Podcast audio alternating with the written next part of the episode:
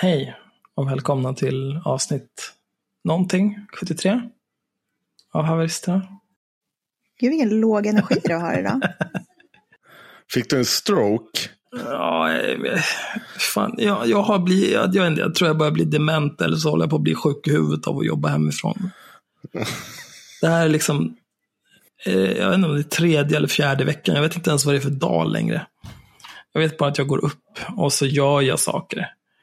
Eh, och sen så när jag börjar bli hungrig, istället för att gå iväg till min favoritlunchrestaurang och äta, så går jag bara till kylskåpet istället. Sen går jag tillbaka. Och sen när liksom arbetsdagen är slut, ja, då stänger jag bara ner Chrome så att all jobbskit försvinner. Starta Chrome igen med alla sidor jag vill ha. Starta WoW. Nu kör vi. Det, det är liksom, vad är, vad är det för liv? Jag heter Axel, Myra heter Myra, Axel. Eh, nej, Henrik heter Henrik. Inte Axel heter Henrik.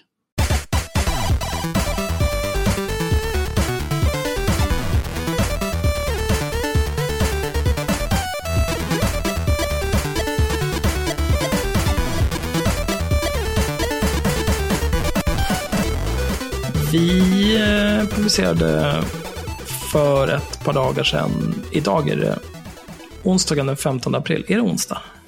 Jajamän. Det är onsdag. Vem bryr sig längre? Ja, det spelar ingen roll. Eh, det är väl, eh, man kan ju hoppas att ni har haft en trevlig påskhelg och så vidare. Min var bedrövlig. Kan, jag, kan, kan jag få ge en uppdatering på vad som har hänt sen sist vi spelade in? Ja, men eh, innan du gör det. Så vi spelade, släppte nyligen ett Patreon-avsnitt som genererade jättemycket pengar, mums.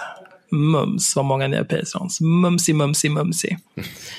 eh, men jag har också blockat ungefär 40 horungar som eh, blev Patrons, lyssnade, slutade vara Patrons innan vi har fått våra pengar.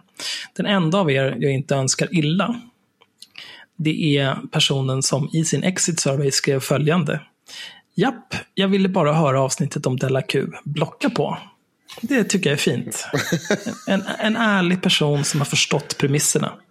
Ja. Om, om jag visste vem det här var, då hade jag inte blockat den här personen. Okay. Men resten kan jag dra åt helvete. Uh, till exempel den här personen insåg att jag hatade denna podden. Och även värdelös podd, men ville höra bardmejlet. Ni två och alla andra som tycker som er, kom ihåg vad ni var tvungna att göra för att få höra det där snaskiga ni var så jävla sugna på.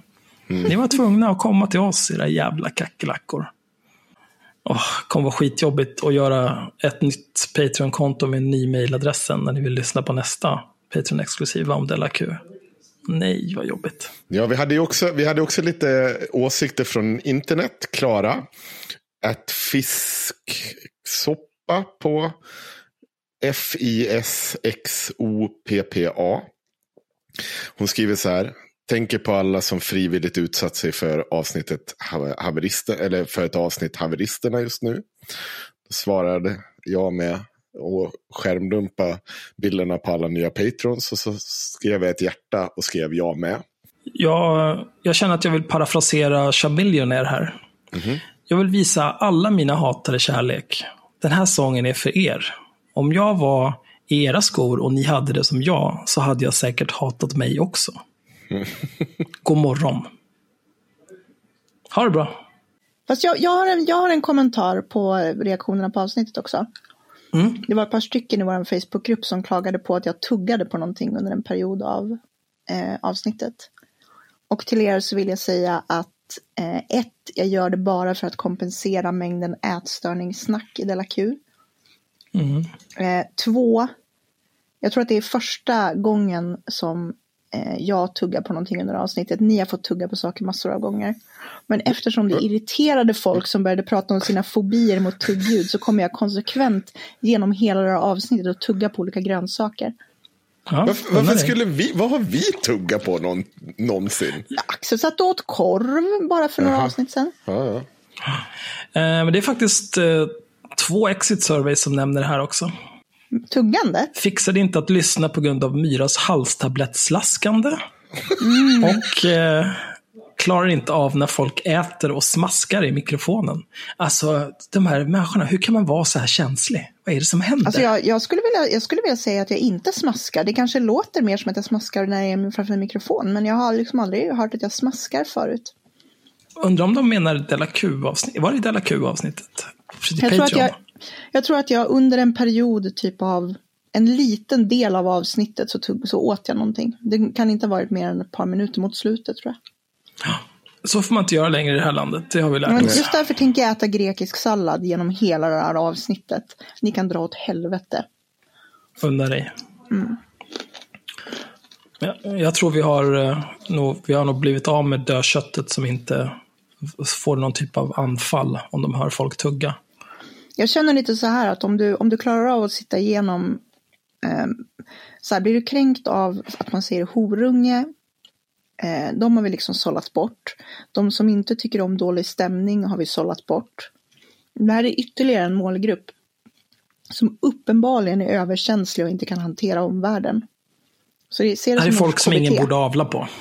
Nej. Vi behöver inte de här generna. Ja. Kan jag få berätta en sak nu? Ja, kör. Jag köpte en touchskärm. Åh, oh, gud. Du är så jävla sjuk i huvudet. så jävla dyr. Alltså det är, det är så otaktiskt att skryta om sånt här. Om jag var, om jag var så patron till en, en podd. Och sen så, så, så såg jag att de som hade den här podden bara ah, jag, ska köpa, jag ska lägga ner 400 000 på att köpa exakt samma bil fast med en touchskärm. Och den andra bara, jag behöver nog en till Rolex. Så skulle jag känna så här, jag ställer in min Patreon nu. De här människorna behöver bevisligen inte mer pengar. Och vem är det det går ut över som inte har en, två jävla bilar och eh, två Rolexar? Det är mig. Jag är så jävla bitter över att ni gör så här. Jag har faktiskt bara en Rolex och det är det som är problemet. Än så länge.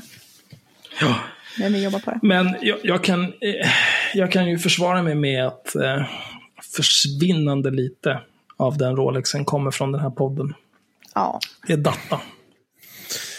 Ja, och jag kan försvara mig med att det här är ett lån. Ett förmånligt lån som jag får. Det är så himla sjukt att ta ett lån på 400 000 för att köpa en touchskärm. Det hade inte jag gjort alltså. Jag, vet att vi pratade om det här förra gången, men varför kunde du inte bara ha köpt typ en, en, en billig padda och satt fast den i bilen? Ja, men den är inte integrerad med alla system. nej, precis. Och, nej, vad, är det för, vad är det för system du behöver ha den integrerad med? Ja, men det är skönt att ha Spotify direkt på touchskärmen.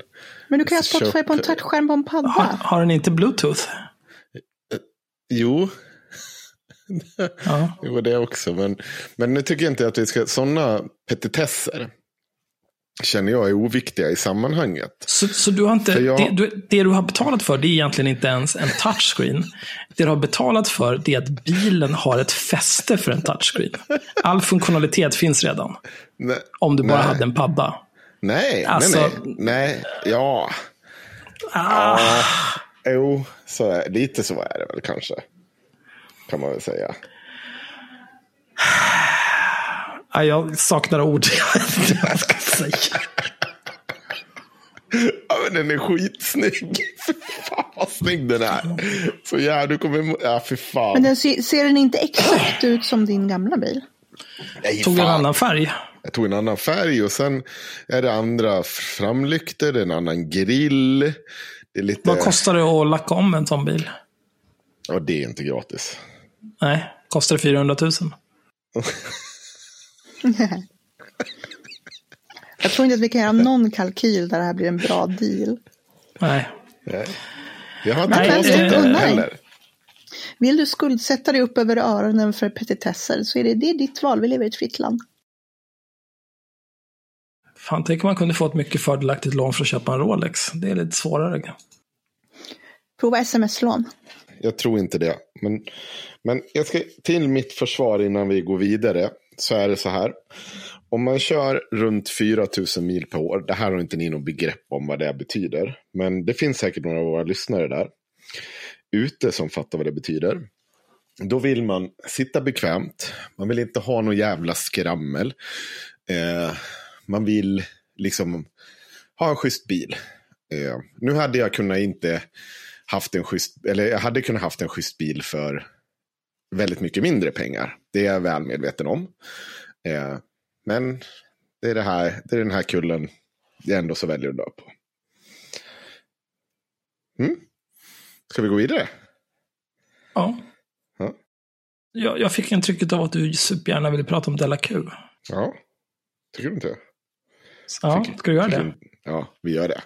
Alla väntar ju. Och eh, för er som... Eh, ja, som sagt, vi har gjort ett Patreon-exklusivt avsnitt. Där vi bland annat har eh, högläsning av de mejl som har läckt från Alexander Bards eh, elitlista. Där eh, Anna Björklund bland annat kallar sin kollega för äcklig hora, sociopat och så vidare. och så vidare. Eh, det ville hon det ville hon säkerligen inte att det skulle läcka ut på något sätt. Men Sånt händer ju om man går och skriver på ett mejl eller på ett forum där flera hundra deltagare finns och som sagt läcker som ett såll. Det och mycket mer kan ni lyssna på om ni blir Patreons. Men vi tänkte väl också nu titta på vad är det som har hänt sen i, vad var det, måndags vi spelade in det här? Var det det? Måndag, söndag? Nej, söndag var det. Ja, någonstans där. Måndag, Söndags söndag. tror jag. Mm. Det, det, krockade med Axels ridande. Så det måste vara ja, det. Men det är okej okay för att jag eh, körde eh, Carapace och Nesoth i tisdags igår. Och fick eh, både shoulders från Carapace och svärdet från Nesoth. Så nu jävlar. Nu smäller det på bra. Hade de touchskärm? Ha, hade vad? Hade de touchskärm? Nej, det hade de inte. Men de var ju å andra sidan gratis. Du kanske kan transmonga? Ja. Var de gratis? Hur mycket tid har du lagt på VOB för att komma dit? Eh, inte så mycket. Nej. Jag vet inte. inte. Ett par år. Ja, precis.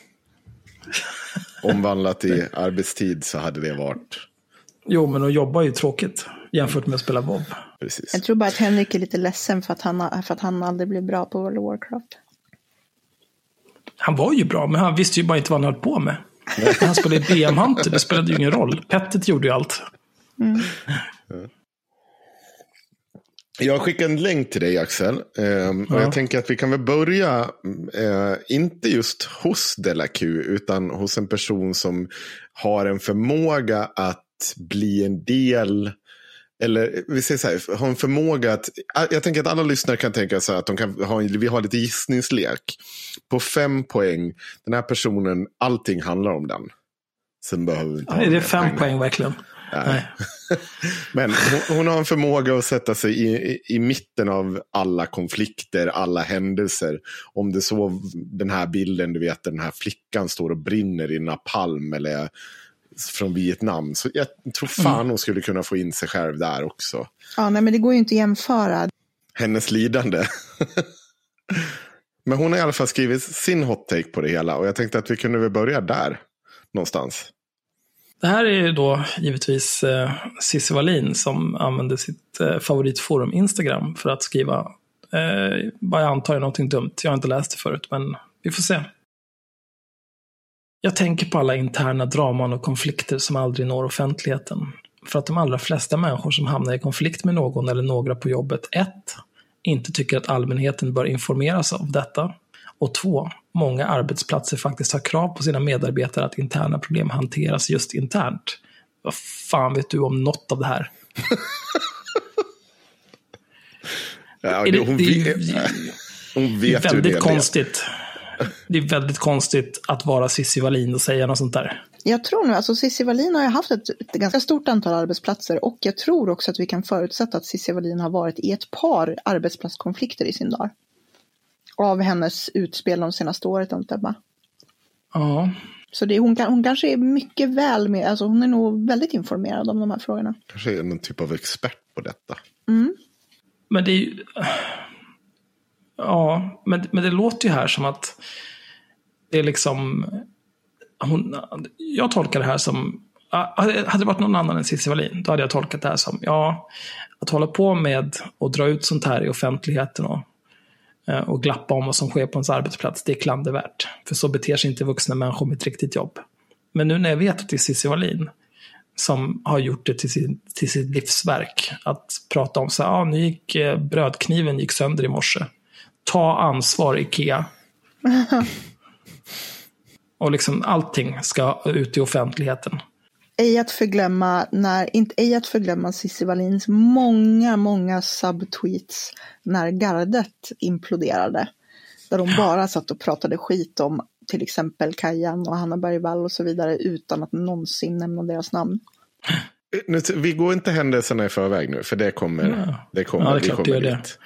Ja, jag, jag, jag, ser hur den här story-arken kommer att gå. Det börjar från att prata om någonting som alla kan relatera till. Sen kommer det handla lite om Della Q. Men till slut så handlar ju ändå allting om Cissi Wallin. så det är bäst att hon pratar lite om sig själv på slutet. Ja. Så tror jag att det här kommer att gå. Mm. Men i takt med att sociala medier och de så kallade publika jobben blivit sedda på som allt mer eftertraktade så har ett nytt fenomen vuxit fram. De interna konflikternas rätt till att luftas för alla på hela internet. Jo, jag har själv varit med om detta några gånger genom åren. Vadå, varit med om? Det är väl du som har instigerat det gång på gång på gång? Precis, inte varit en del av, vilket hade kunnat... Den hade jag kunnat ge henne. För då hade, ja. man, då hade hon inte specifikt sagt jag har själv gjort det här. Utan hon hade varit en del av så hade hon fortfarande kunnat komma undan. Men hon hade inte suttit och blåljugit. Jag tror Cissi Wallin behöver en kommunikatör. Nej. Hon behöver... Jag vet inte vad hon behöver, men jag hoppas att hon får det snart. Eh, jag har själv varit med om detta några gånger genom åren. Senast i höstas då några hoppade av nya feministiska föreningen Gardets styrelse och prompt skulle lägga korten på bordet. Det är också ett extremt konstigt användande av citationstecken här. Liksom först var det de så kallade publika jobben. Eh, publika jobb, ingen har sagt så någonsin. Det är en citationstecken. Ett nytt fenomen. Eh, fenomen är ett helt vanligt ord, det är inga konstigheter. Du behöver inte ha citationstecken där och prompt skulle lägga korten på bordet. Det är också mm. ett helt vanligt uttryck. Du kan bara skriva det. Jag säger det. att hon behöver en kommunikatör. Ska hon sätta citationstecken runt någonting i det där dessutom? Även om hon med nytt fenomen vill antyda att det här är ju inte alls ett nytt fenomen. Då sätter man väl citationstecken runt nytt, inte runt fenomen. Fast mm. hörni, ska, om, jag ändra skillnaden där? Va? Får jag äh, sit, du, jag, folk, jag får ju sånt jävla skit för det här. Sitta. Citationstecken. Citationstecken. Caesar, Ingvar, Tore. Mm. Så okay. börjar det. Citationstecken. Men nu jag tänker som citation. En citation. Ett citat, en citation. Citationstecken. Jag, jag har ju sagt det tre gånger nu. Nej, du säger citationstecken. en gång till för säkerhets skull. Ah, okay. det enda stället hon borde, hon borde sätta citationstecken runt, det är ju när hon skriver några hoppade av det var 15 personer som hoppade av. Minst. Det var, fem, det, bara några, det, det var stycken. Alla, alla, som jobbade med gardet direkt, de som höll på med hemsida och alltihopa, alla hoppade av. Till och med den, de ny, två av de nystartade i styrelsen, i den nystartade som skulle bli så mycket bättre, det hoppade två av. Det är några. Bland annat klassförrädaren Jenny Bengtsson. Ja, precis. Klassförrädare, klassförrädare, klassförrädare. Eh, då några hoppade av nya feministiska föreningen Gardets styrelse och prompt skulle lägga korten på bordet inför hundratusentals personer som nåddes av privata skärmdumpar på oenighet ryckte ur sitt sammanhang. Man menade att publiken har rätt att veta. Det, är faktiskt, det kan jag godkänna, men det är fortfarande dumt. Jag undrar om delar av den numera nedlagda omåttligt populära podden Della Q tänkt samma tankar. Är det allt svårare idag att avsluta ett samarbete med, som man säger, professionell approach utåt? Ja, det, det beror på vad det är för jävla psykfall du samarbetar med. Alltså jag tycker grejen här också att, att man ska liksom ha någon åsikt om att publiken har rätt att veta så skulle jag säga att det var mer rimligt att, att, att eh, Gardets följare hade rätt att veta någonting. Därför att Gardet fick in en jävla massa pengar på Patreon för att driva en verksamhet som ingen riktigt visste vad det var. Eh, och sen så liksom gjorde man, gjorde man en, eh, en release för det här med buller och bång och sen så slutade man producera, det blev bara knäpptyst och folk bara försvann. Och då är det klart att om det här är liksom en verksamhet som är helt finansierad av följarna som kanske har slängt in pengar till det. Jag vet inte hur många hundratusen det var, det har jag hunnit förtränga vid det här laget. Men där har du ju ett, där har du ju faktiskt, om du har en offentligt finansierad verksamhet så har ju dina finansiärer rätt att veta vad fan som händer. Eh, det är ja, samma sak om vi, skulle, om vi skulle bara sluta lägga ut avsnitt, Patreon-avsnitt en dag och bara inte säga någonting och sen så skulle folk se att vi bara så tog bort varandra som vänner. Då skulle folk undra så här, ska jag ta bort min månads, liksom, vad är det, vad är det liksom, vad händer? Jag betalar ju pengar för det här. Där har man ju ett ansvar. Dela Q i det här fallet har ju mycket mindre anledning att gå ut och vädra byken offentligt. Därför att de, det är faktiskt Spotify som ger dem pengar. Ja. Ja, de har ju inte alls samma ansvar. Men å andra sidan så, som publikrustningen till det Patreon-exklusiva avsnittet vittnar om, så eh, de har ju en attityd eh, och ett sätt att förhålla sig till varandra och omvärlden som gör att de drar en viss publik. Och den publiken, jag vet inte, verkar vara ganska blodtörstig. Ja, men det är väl inte så konstigt om man tänker på hur de, vad de har för ton, liksom. Ja, eh. nej, det, det, är inget konstigt, men jag menar, det, det är väl därför det är så intressant. Ja, gud ja. Jag förstår precis. Eh, hur heligt förbannade man än är på varandra. För alla andra, publiken, kommer ju omöjligen kunna få svar på vad som faktiskt, exakt och rent objektivt hände. Nej, men faktiskt, exakt och rent objektivt hände, det, det kommer ingen någonsin få reda på. Nej, förmodligen så går väl historierna isär en del också. Alltså blir det, så, blir det en sån där urladdning så brukar det ju leda till att det finns ganska stora olikheter. Och då är det väl ganska troligt att inte ens de inblandade skulle kunna enas om en beskrivning av vad som hände. Ja, nej. Det, annars skulle man ju vara överens, liksom. det är ju det som är hela grejen. Precis. Som utomstående ser man mest bara några personer man tycker om, kanske rent av ser upp till, skjuta skarpt på varann och grisbrottas på ett sätt som mest av allt ger en molande känsla i magen. Och nej, nu är det ont i magen igen. Var det där verkligen nödvändigt? Varför? Den enskildes rätt att få brodera ut precis alla sina känslor offentligt tycks idag många gånger väga tyngre än att värna såväl den större kampen, i många fall feminismen, som alla inblandades integritet. Min rätt att berätta, jag är sårad, jag vill inte ljuga längre. Kan man ha mindre självinsikt? fast, fast jag, för, och jag förstår inte det här. För att det här är ju en sån här typisk självcentrerad take på det här. Därför att hon, hennes stora explosion med gardet hade en väldigt offentlig, det spelade ut väldigt offentligt. Precis som Della Q-grejen gör nu. Men hon försöker få det att låta som att ah, det nya är, det är så här det är nu, det är så här alla beter sig. Nej, Cissi Wallin, de flesta gör fortfarande inte det. Att du var inblandad i en sån grej betyder inte att alla är det. Nej, men att, att hon var inblandad i en sån grej. Ja, okay, det här har varit det enda hon har gjort i flera år. Ja, men, men alltså det, hon försöker få det att låta som att det här är någonting som är normalt nu. Att ja, det, är en sån, det är så skrämmande utveckling det här. Det här att alla liksom saker som, projekt som avslutas, att det blir så här offentligt och alla ska kasta skit på varandra. Nej, men det är inte så. Jag menar, om vi skulle ta liksom, det finns ju hur jävla många poddar som helst i Sverige. Hur många organisationer som helst. Hur många av dem har slutat i den här typen av drama? Jag skulle tro att det är en minoritet, absolut minoritet. Därför att de flesta gånger när någon avslutar en sån här grej så, så bara slutar man och sen så går man ut med någon sån här allmän typ, ja nej men vi vill göra andra saker och vi önskar varandra lycka till, hej och eh, Och så får man inte veta något mer än så. Därför att det är så vuxna människor beter sig oftast. Men ja. i Cissis alternativa värld så kanske det ser annorlunda ut, jag vet inte. Men det är ju liksom, eh, det är ju som, som i livet i stort. En viss procent av de människor man interagerar med är ju horungar. Eh, så det säger ju sig självt att av alla som till exempel gör poddar eller startar feministiska revolutioner i föreningsform så kommer en del horungar slinka med. Så är det. Och, och det går inte att göra någonting med horungar för att de beter sig som horungar. Och då blir det så här. Men eh, jag tycker fortfarande det här sista stycket, det, det, alltså, det, det, den totala bristen på självinsikt, det är helt ofattbart.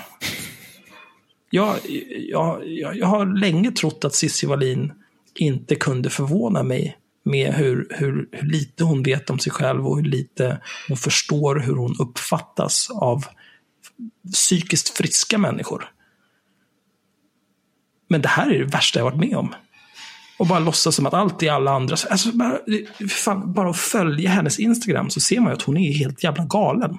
Men jag tror att det är, alltså det, jag tror att det är en typ av gaslighting liksom om du upprepar tillräckligt många gånger att, du, att saker förhåller sig på ett visst sätt och speciellt när det gäller sånt här, upprepar du tillräckligt många gånger att nej men det är så här världen ser ut.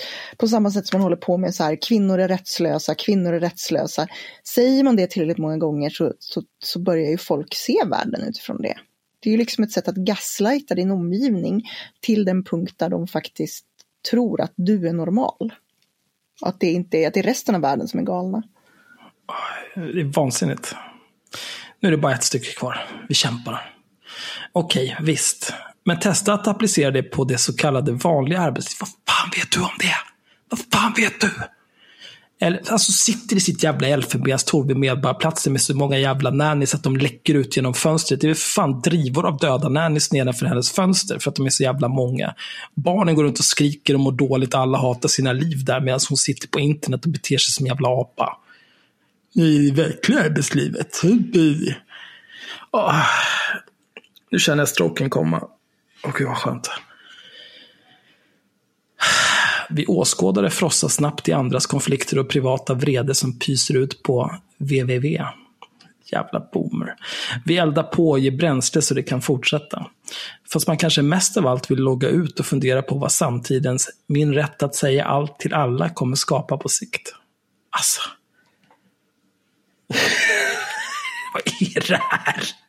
Jag tänker att vi ska återkomma till Cissi Wallin sen. Vi behöver inte, det här är ju det här är så verklighetsfrånvänt så att det, det är helt sjukt. Det har liksom varit i konstant konflikt i tio jävla år fram och tillbaka i varenda projekt människan har deltagit i. Och sen bara dra av det här. Det är, jag vet inte om hon, om hon känner igen sig och tycker att det är jobbigt att se när och liksom vill skydda sig på något sätt. Förstår ni vad jag menar?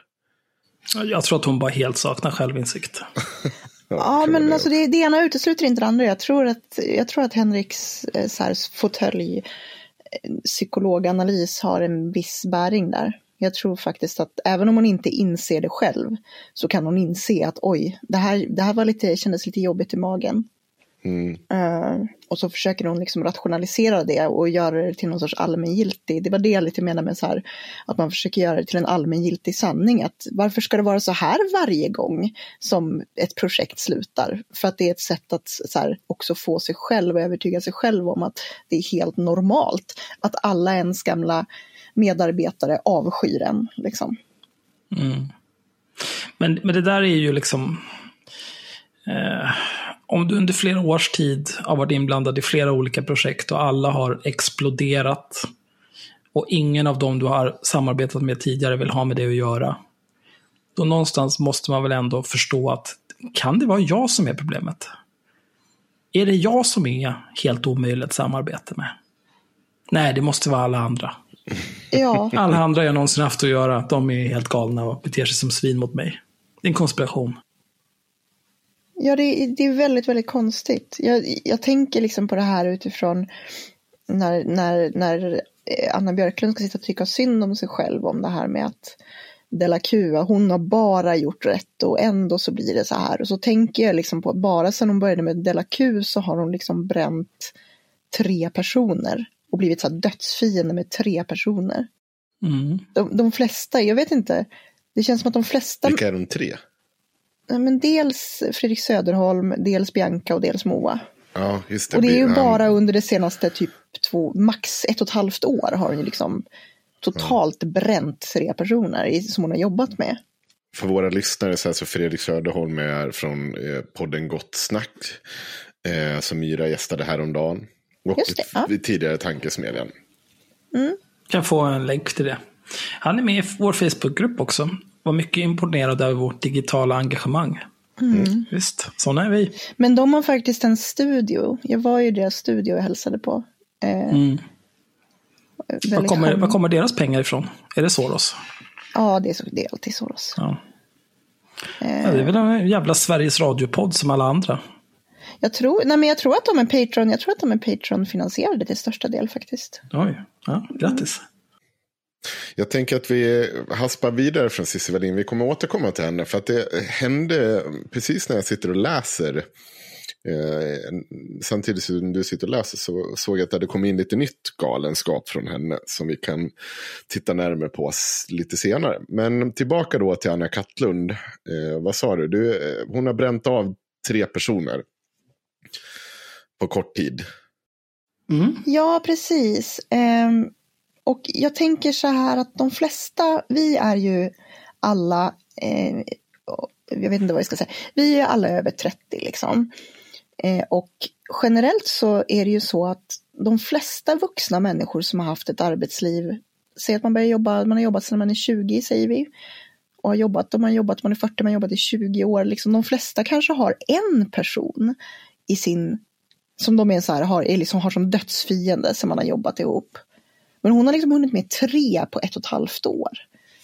Borde man inte där någonstans här, hmm, kan det vara så att, att det är någonting i hur jag beter mig som är som jag borde jobba på eller ändra på? Eller är det resten av världen det är fel på? Speciellt då om man som, som Anna pratade om, jag vet, vi sa det i det Patreon-exklusiva avsnittet, men där så eh, hade jag ett klipp där de pratar om just det här att man liksom blir ovän med sina vänner och hon pratar om att hon har liksom bytt ut hela sin vänskapskrets åtminstone en gång.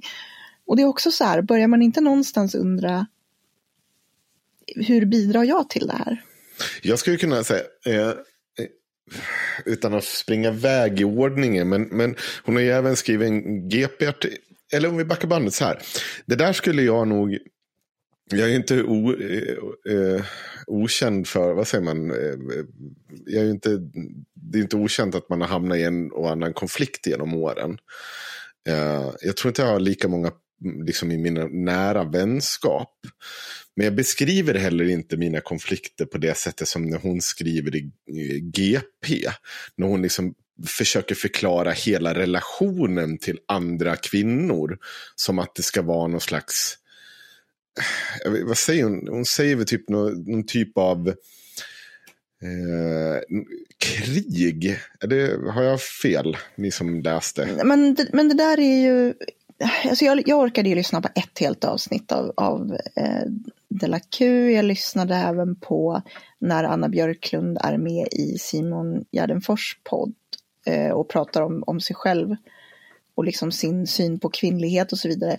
Men alltså jag skulle kunna göra en, en jättelång, jättelång utläggning om hennes syn på kvinnan, men det är uppenbart att hon har en väldigt så här, Alltså för att inte, inte liksom lägga ut texten för mycket och sitta och analysera hennes kvinnosyn så skulle jag säga att hon har en väldigt, väldigt konstig syn på kvinnan eh, som gör att man nästan tar ifrån dem alla gens. På samma sätt som vissa vissa snubbar liksom pratar om manlighet, du vet. Eh, mm. Och så pratar man om det och liksom män är så här och män är så här. Och sen så projicerar man liksom sina egna fel, brister eller eh, sånt man vill ha på att ja men det här är, det här är min kvinnlighet som gör det här. På kvinnorollen. Ja, precis. För hon, hon, jag kan säga att hon säger så här i slutet. Att ha tjejkompisar är inte ett långt och sexigt kuddkrig. Utan ett brutal och i grunden djuriskt. Men det är vad ja. vi har och det är vad vi behöver. Och det är så, jag tycker det, för jag håller med dig att det är väldigt mycket så här att eh, när, hon, när du pratar om att hon fråntar kvinnan agens. Hon döljer det på ett ganska snyggt sätt genom att säga att jo men så här är det, en kvinna måste få vara så här. Och så, liksom mm. genom att återge kvinnan agensen, fast agensen är att du måste vara på ett sätt. Ja. Förstår ni vad jag menar? Det är det traditionella som är det rätta och du måste vara så. Så att hon både tar ifrån och ger tillbaka gränsen. Men det slutar ju fortfarande med att en kvinna ska ju bara vara som en kvinna är. Jo men det här är ju och... samma, det här är ju samma biologistskit som en massa gubbar som vill förespråka traditionella könsroller håller på med. Där det är liksom, ja nej men det är, eh, män och kvinnor är så här. Det är för att män vill ju bara liksom, sprida sin säd och kvinnor söker sig till män som har hög inkomst för att de är gravida och då måste de ha någon som försvarar dem. Alltså man går tillbaka till så här extremt eh, biologistiska för, förklaringsmodeller för, för ganska, o, alltså så här, ganska svinigt beteende på ett sätt som är så jävla felaktigt därför att det finns ju ganska lite i hur vi lever vårt liv i samtiden som går att koppla till eh, någonting som är naturligt. Liksom.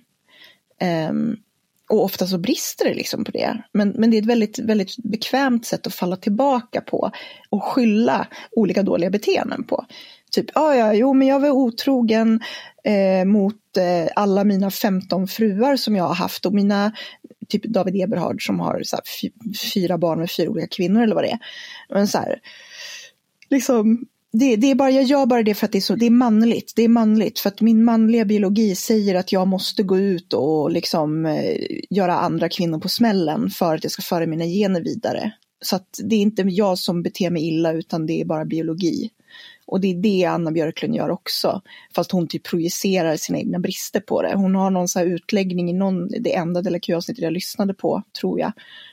Eh, om eh, att ja, men det är naturligt för unga kvinnor att dras till de här äldre männen ungefär. Alla gör ju det. Och hon, liksom, hon är väldigt bra på att lägga så här, alla gör så här, alla kvinnor är så här. Medan jag tycker att hennes beteende är, jag skulle inte säga att det är alla kvinnor, utan jag skulle säga att det kanske är eh, den roll som kvinnor tillskrivs. Till exempel hela den här att kvinnor kan inte umgås. Tre kvinnor, nu är det jättemycket snack om att den här tjejpodden gick sönder i drama för att kvinnor kan inte umgås utan att det blir drama. Så det är mer som att hon lever upp till alla de här negativa normerna av kvinnor och sen så försöker hon falla tillbaka och ursäkta sig genom att säga att de här normerna stämmer ju. Och det är därför det blir så här. Istället för att försöka vara en bättre människa. Jag ska läsa på eller hade du något mer att tillägga om det Axel? Nej. Nej, bra. Då ska jag läsa vad Moa, eller säga, vad Anna säger till Aftonbladet. För det är ju så att Anna har ju varit den som har varit mest aktiv i att försvara sig. Moa har ju bara sagt att eh, lä lämna ut en skärmdump på att hon redan började flagga för det här. Att hon skulle hoppa av redan i februari. Men lite just detaljerna, vi återkommer. Men Anna säger så här till Aftonbladet, och det här tycker jag är så jävla sjukt. Eh, I inlägget om uppbrottet berättar även Anna Björklund att Moa Wallin är gravid med sitt första barn. Något som Moa själv inte har gått ut med ännu. När Aftonbladet frågar Anna Björklund som är gravid med sitt tredje barn om varför hon berättar om Moa Wallins graviditet svarar hon i ett meddelande. Det är så himla pinsamt att berätta att man är gravid. Jag tvingar min man att berätta om det för min släkt den här gången. Moa är nog tacksam. Synd att, synd att folk inte bara kan säga grattis på ett trevligt sätt. Och Också jag... ett geni när det kommer till självinsikt. Ja, fast jag, jag, jag, tror att hon har en absolut eh, eh, hon har självinsikt i den meningen att hon, nu jävlar ska jag trolla skiten ur de här. Jag kommer vinna det här, jag kommer vara så jävla edgy med edgeface, det här kommer se kul ut. Och jag, jag tror att jättemånga sitter och fnissar åt det här.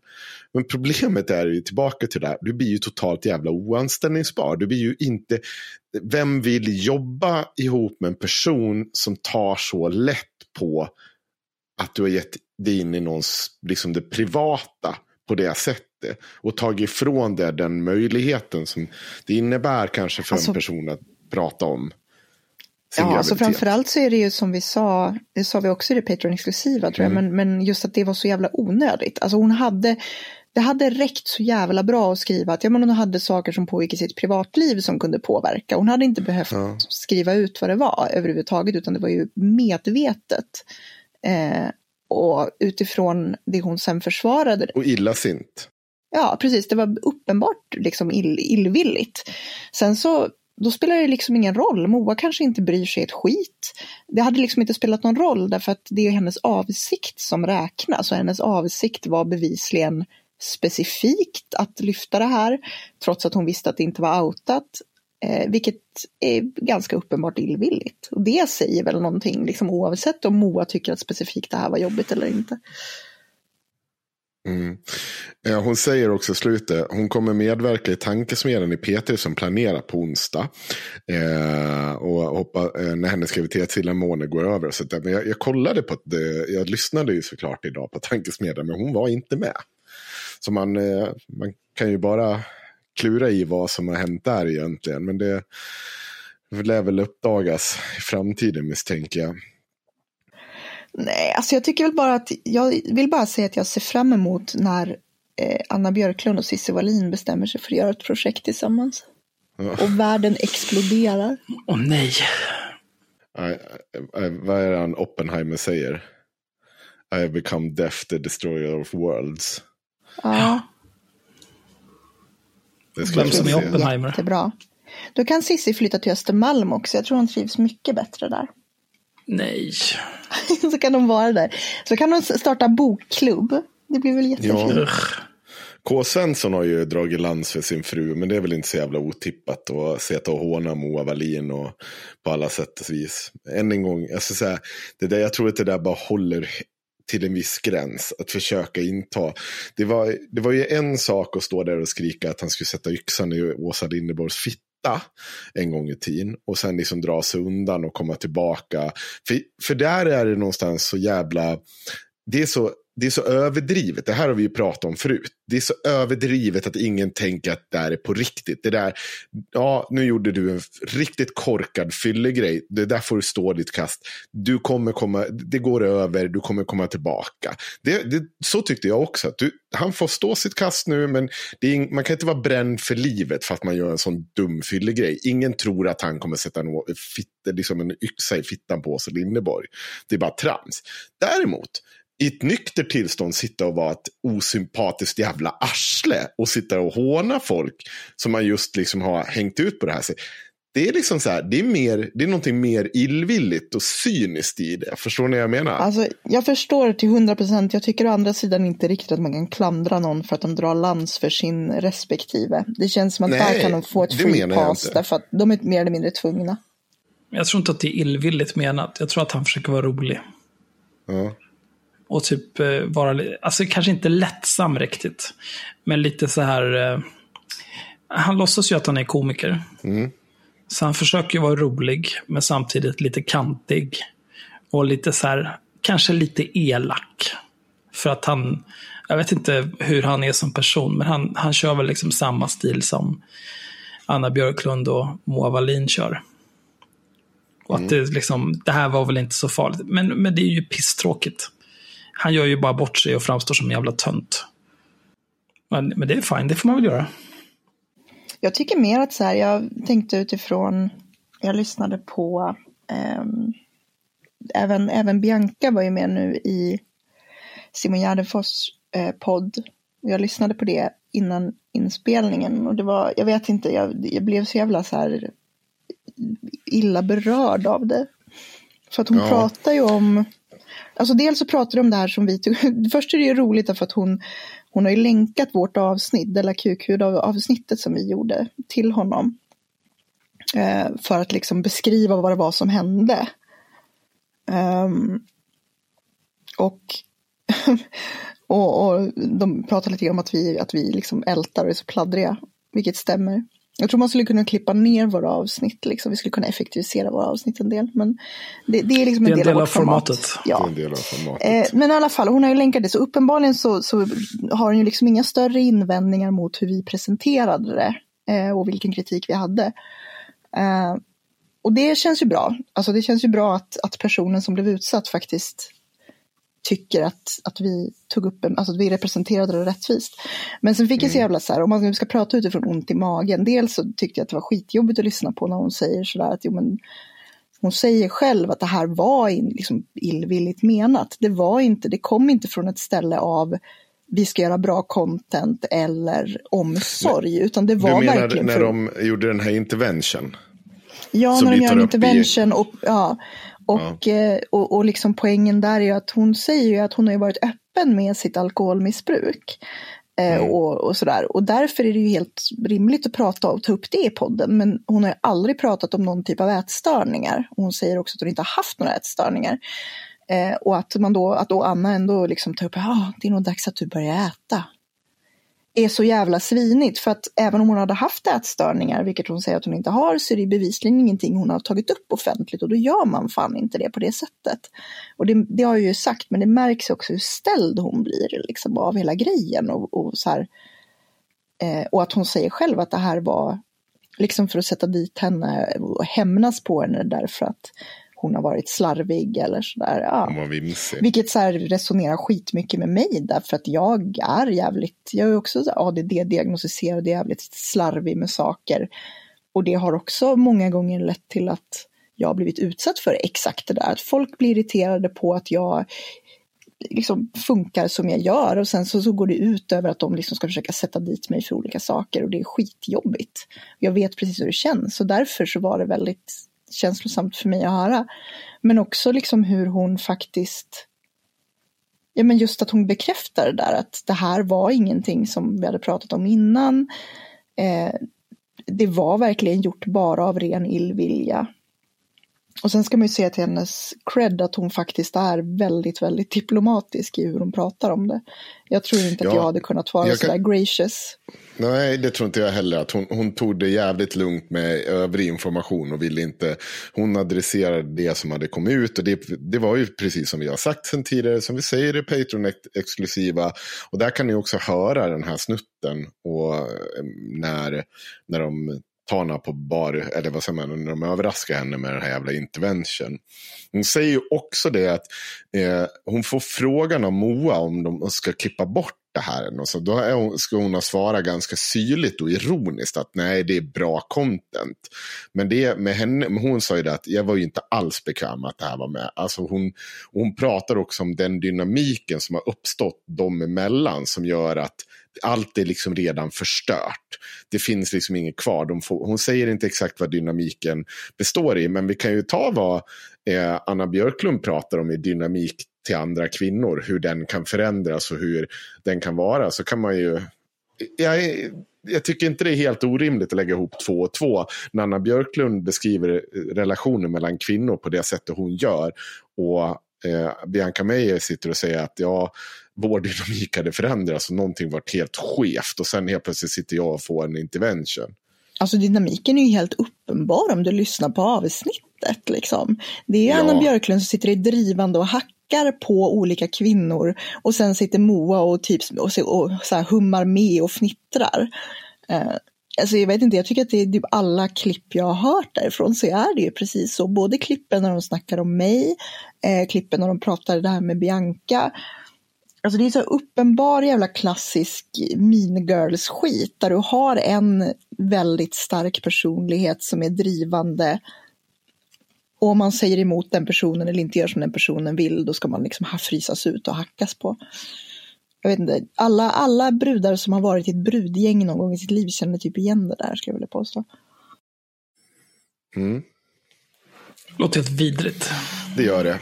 Bra avsnitt. Gå in och lyssna på uh, Simon Gärdenfors, eh, vad heter det? Vad heter den? Det är ett arkivsamtal.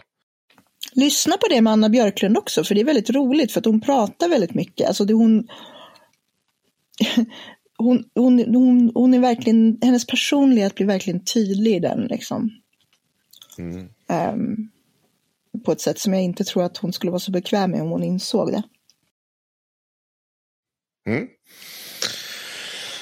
Vad säger ni, är vi klara med Della Kula? Har ni något att tillägga för den här gången? Mm, jag, nej jag känner mig klar. Jag känner, du har inget, vill inte skrika någonting? Och... Nej, det enda jag kan säga egentligen är att eh, jag bildgooglade Della Q idag och insåg att den jag trodde var Anna Björklund egentligen är Moa Wallin. eh, ja, jag vet. Ungefär, det, det, är mina känslor kring Della Q just nu. Ja. Jag vill också säga en sist som, som avslutande grej. När jag var med i Gott Snack i måndags så eh, hade, de ju ett, hade vi med ett samtal med en, ett fan av Della Q. Eh, som var ledsen över att de hade splittrats. Och som pratade om så här, ah, jo men det är så här, man känner ju igen sig så mycket liksom. Jag, jag, jag felciterar förmodligen, men andemeningen var liksom att jo men det är ju så här, det, det är, de har ju så bra liksom de har ju så bra dynamik mellan sig. Det är ju så här det är när man har kompisar. Och alla som känner så vill jag bara säga så här, nej det där är inte normalt. Så här är inte kompisar mot varandra. Är dina kompisar så där mot dig så behöver du träffa andra kompisar. För det där är bara jävla mobb-skit. Mm. Det är inte den riktiga världen. Cissi Wallins följer också. Nej, det är inte normalt att hålla på sådär. Skaffa ett vanligt jobb. Kom ut i den riktiga världen. Jag lovar er att det liksom finns annat Verklighetens folk är inte galna, imponerade. Galna högstadiebrudar man kan vara kompis med. Jag Innan ja, vi går vidare, så jag skulle vilja gå och kissa med snoppen. Mm, gå och kissa med snoppen. Jag kommer strax. Jag kan göra det jag också bara för att då. Så att vi slipper ja. något konstiga. Jag kan sitta här och tugga lite. Ja, det är bra. Då får lyssnarna en i alla fall 45 sekunders pure tuggande. Det är de värda.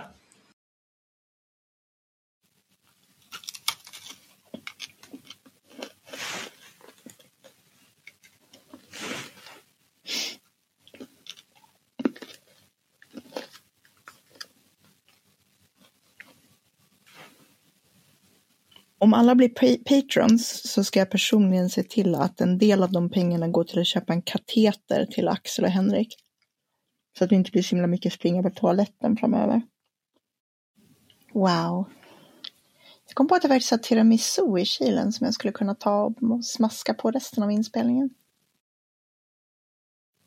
Det bästa med, eh, det bästa med corona är att Penis, penis, penis. Man känner typ att man gör en god gärning om man beställer hem mat.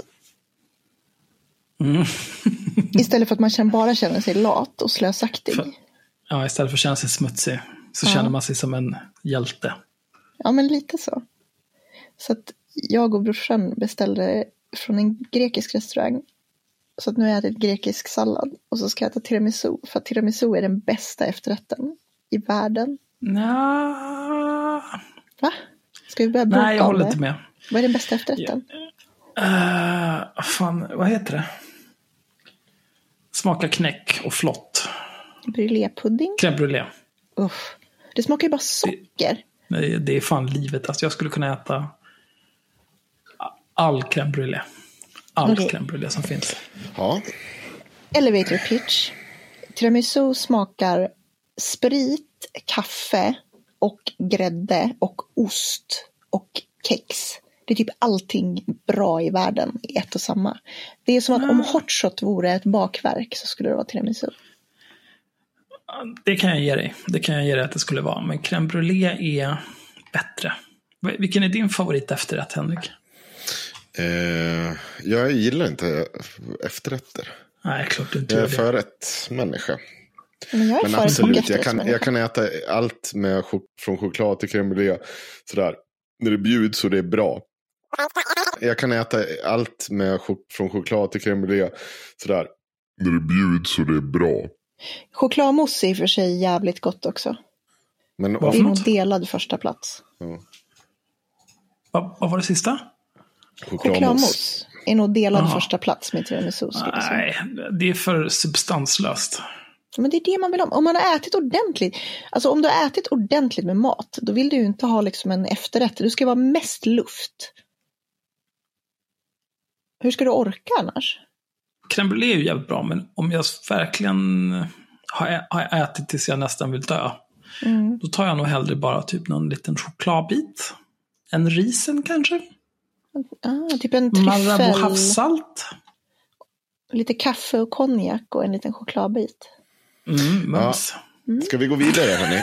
ja, eh, jag tänkte att vi gör lite ett svep ut i coronavärlden och mm. vad som har hänt sen senast. Det har ju hänt en hel jävla del och jag tänkte att vi ska ju ändå så ta oss an de här människorna som även får lite media på det hela. Men någonstans måste vi ju börja ute på ytterkanten. Då tänker jag mig att Ego Putilov får var en av dessa.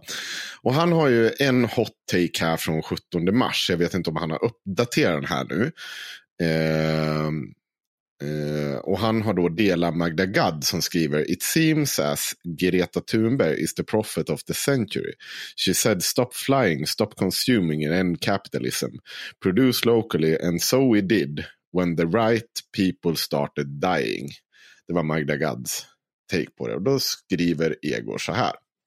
Med tanke på att det finns frågetecken kring virusets ursprung är det inte otänkbart att någon Greta-inspirerad klimatfanatiker kan ha släppt viruset för att stoppa världsekonomin. För det är precis vad vi ser nu. Eh, I varje fall är det lite för tidigt för att utnämna henne till profet. Finns det verkligen några frågetecken? Nej, nej det gör inte det. Men Egor, ni vet. Men han är, han är ju den levande påverkansoperationen. Mm. Räcker med en vilsen fanatiker på ett labb. Viruset av denna typ verkar inte vara svårt att ta fram, gjordes redan 2015. Mm. Länkar till någon the-scientist.com med det här. Jag, eh, det är ju ganska väl belagt eh, som med allting annat att det finns ett ganska stort intresse för till exempel Ryssland att försöka skapa olika typer av misstro för, för makterna. Eh, mm. I eh, den här artikeln som Egor Putilov länkade som stöd för att det här gjordes redan 2015 så har de lagt till en uppdatering den 11 mars. Det vill säga nästan en vecka innan han postade den. Update March 11, 2020. On social media and news outlets, a theory has circulated that the coronavirus at the root of the COVID 19 outbreak originated in a research lab. Scientists say there is no evidence that the SARS-CoV-2 virus escaped from a lab. Det är bra. Bra Egor, du är skitduktig på att källanvisa, idiot.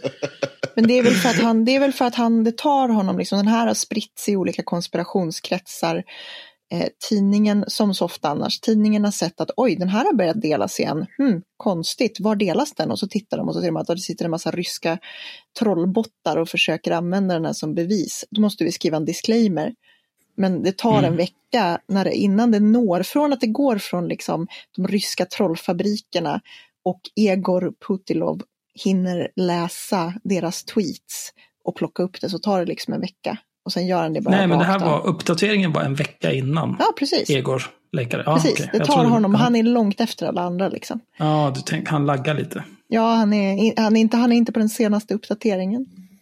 Eh, en, ett annat gäng, eh, härligt gäng som vi älskar i den här podden, det är ju Ingrid och hennes nya kollega Maria. Ingrid Carlqvist pratar vi om då. De har ju eh, nyhetshelgen i avsnitt 56, Gates of Hell. Då skriver de så här. Dagens tema, Gates of Hell, syftar på Microsoft-skaparen Bill Gates alla vaccinprogram som tar livet av bety betydligt fler än de räddar kan det till och med vara så att Gates och hans globalistkompisar medvetet har släppt lös coronaviruset som hittills dödat över 12, eh, 120 000 människor världen över. Att de redan har ett vaccin färdigt som inte släpps ut förrän människor är så livrädda att de går med på att både få vaccin och mikrochip insprutade i sina kroppar. Ja, hon har blivit en total galning. Ja, hon är så jävla, är så jävla god. Alltså nu, förr, då verkligen, man avskydde henne. Nu vill man ju bara krama med henne. Bara sitta och lyssna. Strykarna på håret och bara höra henne och prata om de här stenarna de har sett, de mystiska stenarna som är ett tecken på the new world order. De har ju en teori också om att de ska sänka världens befolkning till typ, jag vet inte hur mycket det är. Och det är också Bill Gates och de här, i New World Order, som håller nu på att ta död på människor. För att ha befolkningskontroll, för att vi ska leva i mer harmoni med, med, med människor. Det här går ju hand i hand med de som tror att 5G-master och 5G-näten men det är judarna, eh, ursäkta. påverkar spridningen av eh, corona. Mm. Alltså kan vi, inte bara, kan vi inte bara löpa linan ut och bestämma att det är judarna på en gång? För vi kommer ändå hamna där förr eller senare. Jo, det kommer vi göra. Men mm. jag menar, liksom, folk går ju runt och vandaliserar 5G-master. Det är ju för fan terrorism. Skjut dem på plats. Min favorithistoria om, eh, om just corona, sen på senaste mm. tiden, eh, är, är nyheten om att eh, att olika scammers, det här är ju kopplat lite grann till det här som, eh, som Jeff Ahl höll på med när han skulle sälja olika masker. Eh, William Hane.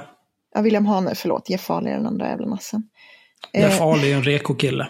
Han skulle aldrig sälja pajasmasker. nej, nej. Um, så att uh, Unchain.ai, eller AL, jag är inte säker, jag vet inte, jag kan du kanske vet Axel som håller på med cryptocurrency.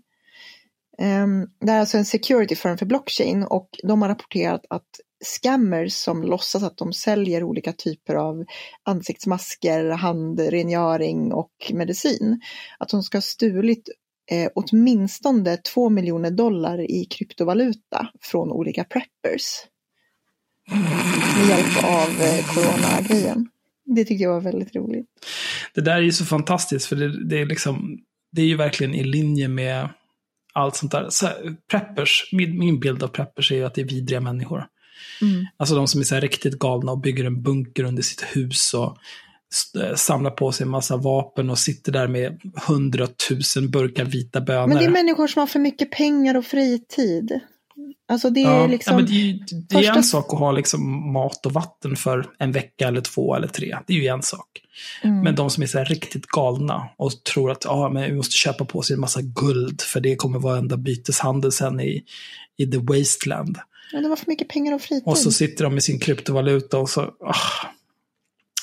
Preppers och kryptovaluta, det, det känns... Det finns ett vändiagram där. Mm. Och det är följt av kromosomskador. De skriver också så här, Nyhetsveckan special 7, kollodialt silver.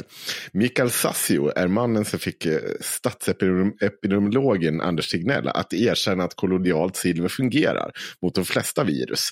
Mikael är legitimerad sjuksköterska som tidigare började forska på audiologi, läran om hörsel och sedan 20 år tillbaka driver han audiolaserkliniken där han behandlar tinnitus och andra hörselproblem. Numera äger han tillsammans tillsammans med Anders Sultan företaget Ion Silver AB som säljer kollodialt silver. Företaget omsätter många miljoner och jobbar nu för högtryck för att tillgodose den svenska marknaden med vatten som kanske kan ta död på coronaviruset. Jesus fucking Christ. Wow. Jag trodde Mikael Sassi var advokat. Jag har också hört det här jävla namnet. Var har vi hört det tidigare? Nej, men jag, jag, vet, jag vet vad man är. Jaha. Men han var väl inblandad i Anna-fallet på något vis? Nej, det tror jag inte. Men, men jag vet att just på grund av Anders Sultan och Colloidal Silver, mm. att de har Ion Silver tillsammans och så vidare. Men jag har förstått det som att eh, Anders Sultan är liksom snackpåsen som går runt och säljer in den där skiten i den där, mm. vad fan heter den? Uh, den de, vad fan heter den gruppen? Typ... Colloidal Silver? Heter den verkligen det? Ja, den heter Jag tror de hade det. Ja, men det är typ 2.0 eller 3.0 mm. nu kanske. Jo, men 2.0. Uh, mm. Och där hade de ju ett, ett, samlingsdokument där det var typ så här alla positiva erfarenheter av kolloidalt silver. Och den hänvisar han till Anders Sultan i gruppen. Så fort mm. någon ställer en fråga, typ så här, eh, jag har en cancertumör i huvudet som väger 40 kilo. Kan kolloidalt silver hjälpa mig? Ja, nej, jag kan tyvärr inte ge några tips, men titta i den här tråden. Han får ju inte, nej. Nej, han får ju inte det med hot om vite på flera miljoner, har jag för mig. Precis, han har blivit förbjuden att sälja in kolloidalt silver för att det är en jävla hästskojare. Ja, men de påstår ju liksom att det har en massa hälsofördelar som, och det finns inget som styrker det. Mm. Och då, då, det går inte. Men då hänvisar han till den där jävla tråden där Kreti och Pleti skriver de dummaste grejer. Det var en som hade satt fram tre skålar till sin hund en med kolloidalt silver och så två med vanligt vatten. Och hunden hade valt en med kolloidalt silver och det tog hon som liksom intäkt på att ja, till och med hunden vet vad som är bäst för sig. Det är, en, det är en på tre. Alltså hundar äter bajs från gatan. Jag vet inte om jag skulle lita på hundars förmåga att bestämma vad som är bra. Nej, men det är också så här, om det bara är slump så är det en på tre att den tar det. Men förmodligen så var det väl den skålen som hundjäveln brukar dricka vatten ur. Liksom. Ja. En hund, vad fan bryr sig? Det är så dumt. Men så, så är alla testimonials där. Ja, jag har liksom hällt tre liter kolloidalt silver i örat varje dag och så rinner det ut genom andra örat och jag har aldrig mått bättre. Sådana där stories om och om igen och det botar allt och det är fantastiskt. Hej och Men det är kranvatten. Det är skit. Ja, eh, men nu är ju inte Ingrid och Konrad, eller vad säger Ingrid och eh, Maria kända Anders för och Mikael. Ja, alla ja, jag tänkte du skulle köra en, nu är inte de här och kan försvara sig. Nej, men det skiter jag i. Varför skulle de vara här och försvara? Varför skulle de vara här? Och... Fan, jag skulle vilja intervjua henne någon gång. Det vore kul att göra en Navid Modiri fast bara sitta liksom och käfta med henne. Det vore så. Du var bjuda in henne. Nice. Men vi... Ingrid, om du hör det här. Vill ja. du vara med i haveristerna? Mejla eller ring Henrik. Ja. Det tycker jag. Vill du komma och provprata lite om förintelsen?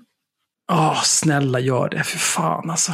Kom gärna hit också och tro att det ska bli precis som Hur kan vi? För jag lovar dig, du kommer få så oerhört mycket mer. Så oerhört mycket mer. Låter nästan hotfullt det där Axel. Nej, jag, jag, bara säger, jag, jag, kommer inte sitta här som jävla nickedocka om de börjar prata om att förintelsen var det så många som dog egentligen. Det där måste vi få ifrågasätta. Då åker vi.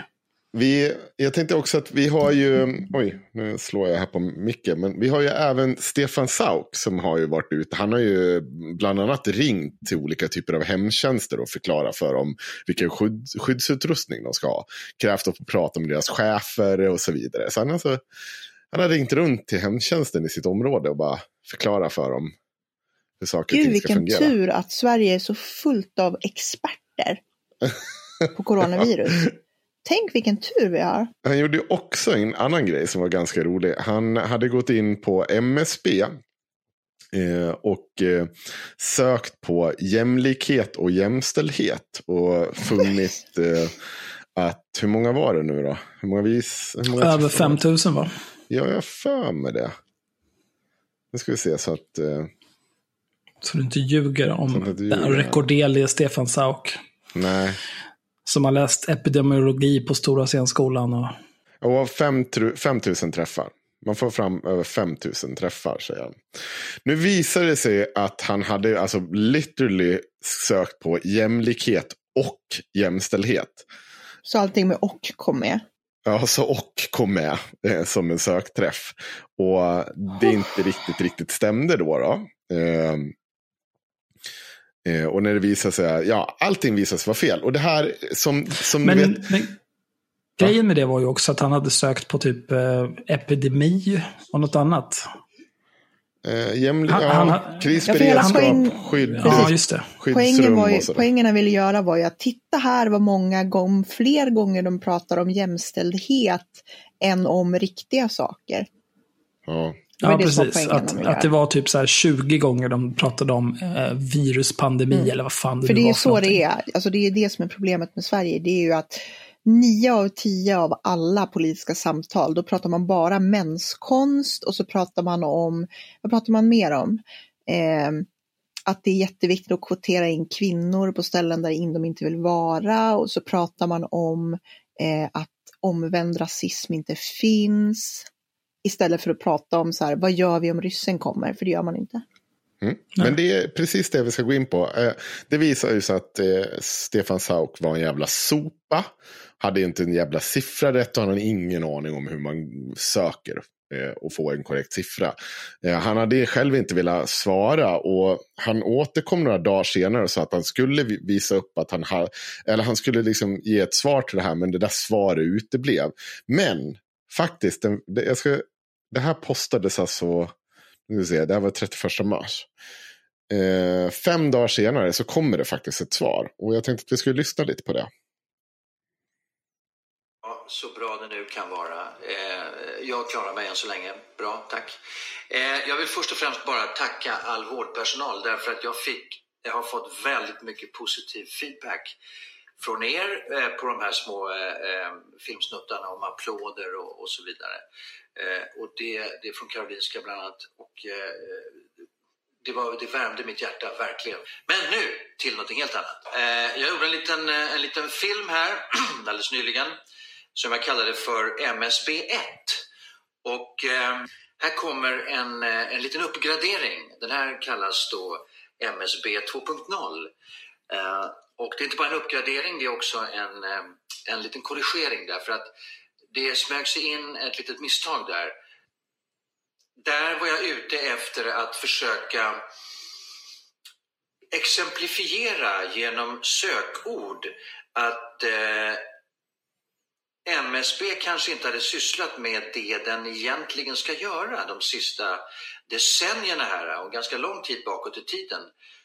Och jag använder mig av samma sökordsmetod som jag använde en gång tidigare, nämligen 2014, när jag försökte påvisa något liknande, eller egentligen samma sak då, för sex år sedan. Och jag använde samma metod, vilket gjorde att det hade smögs, smögs in ett litet ord däremellan som gjorde att diskrepansen mellan de här sökorden och träffarna på dem blev väldigt, väldigt stor.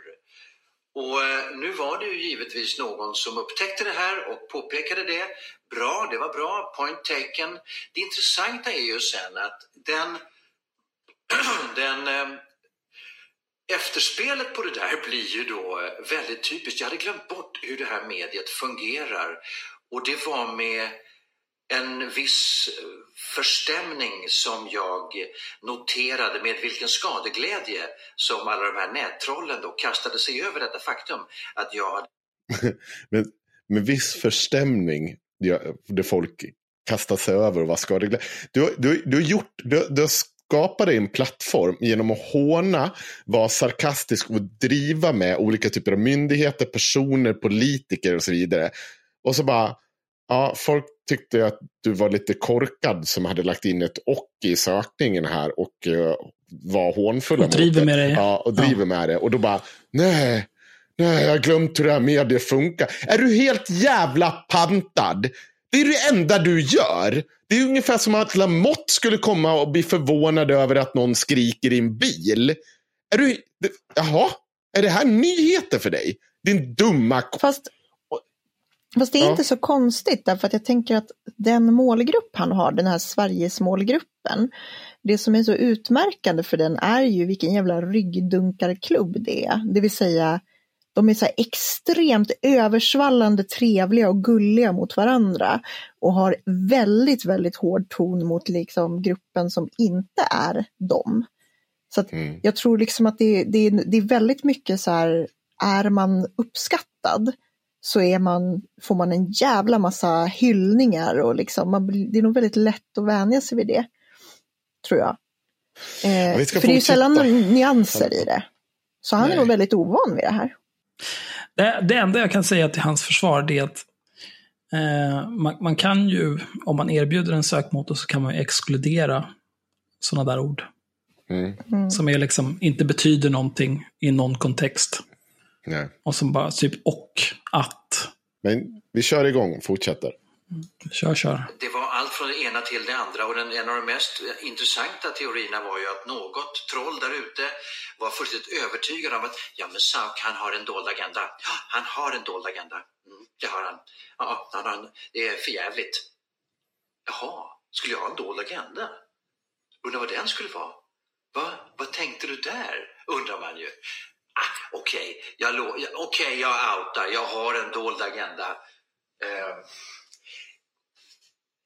jag tillhör egentligen den intergalaktiska insatsstyrkan och nu har vi kommit till jorden och vi, eh, nu har vi spritt ut våra grejer och vi ska ta över alltihopa. Vi ska bara få bort all, allt, mhm. allt som är i vägen, allt bös först och sen ska vi ta över alltihopa. Ja visst, det är jag. Nej, det är det inte. Tvärtom, den enda agenda jag har det är att jag ibland vill eh, hålla upp en spegel mot verkligheten och säga Det här är nästan värre, inser ni inte det? Va? jag skulle säga kasta ur sig dum, alltså kasta ur sig korkad, felaktig propaganda mot eh, regeringen. Det är ju mm. faktiskt mindre klandervärt om det är så att du gör det medvetet för att du har en agenda. Men om du bara gör det liksom, och tror att du bidrar med någonting för att göra, liksom, göra bra, rättvis journalistik, det, det gör det ju värre. Det gör ju dig till ett större skåp. Mm.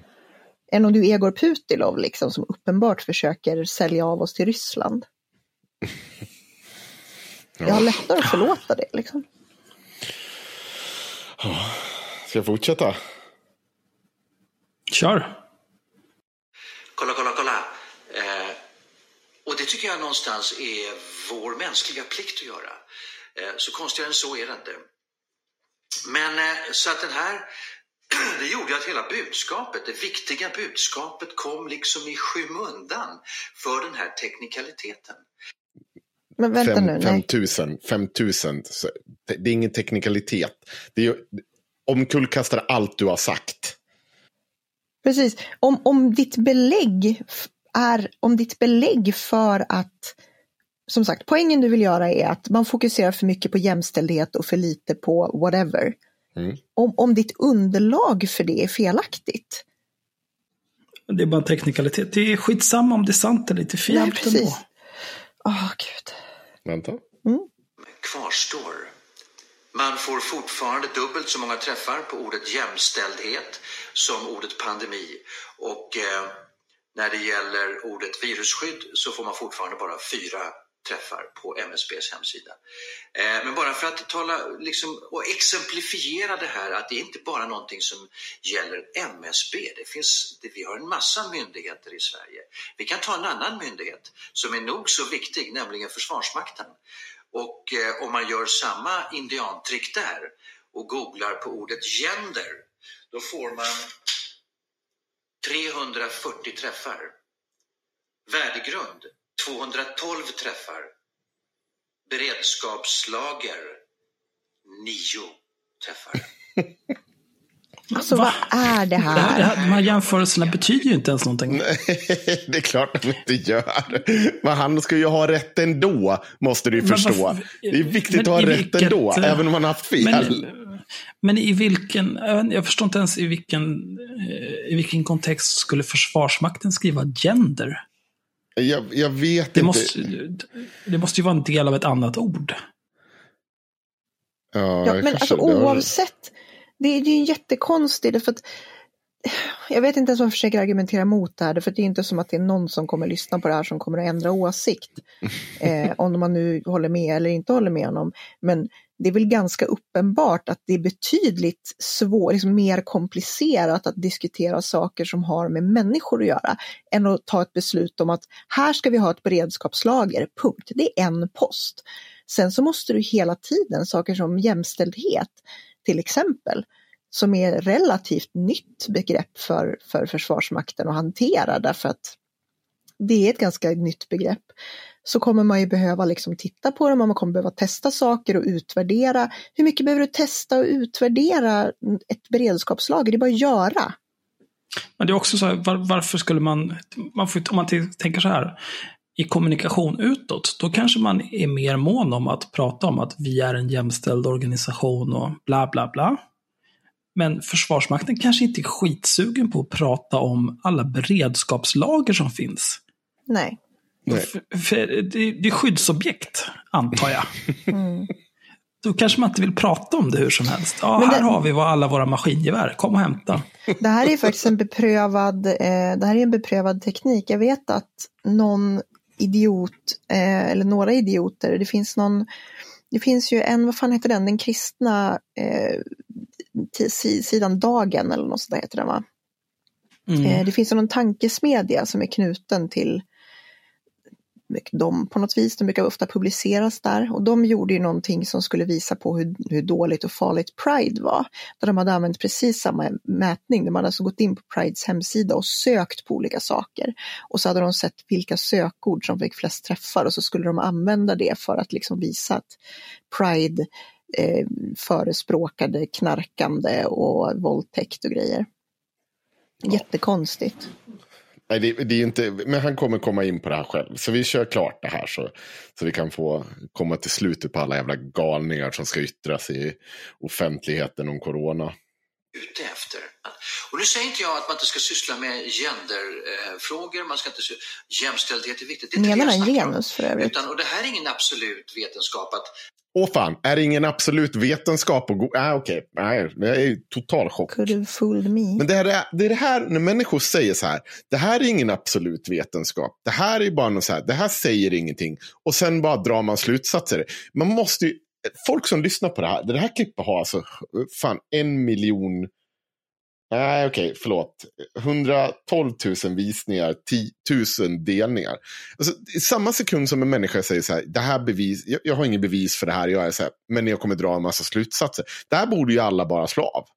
Eller om de ens har tagit sig dit. Det, det vore ju... Ja, äh. Nu är det det här de sysslar med bara, nej.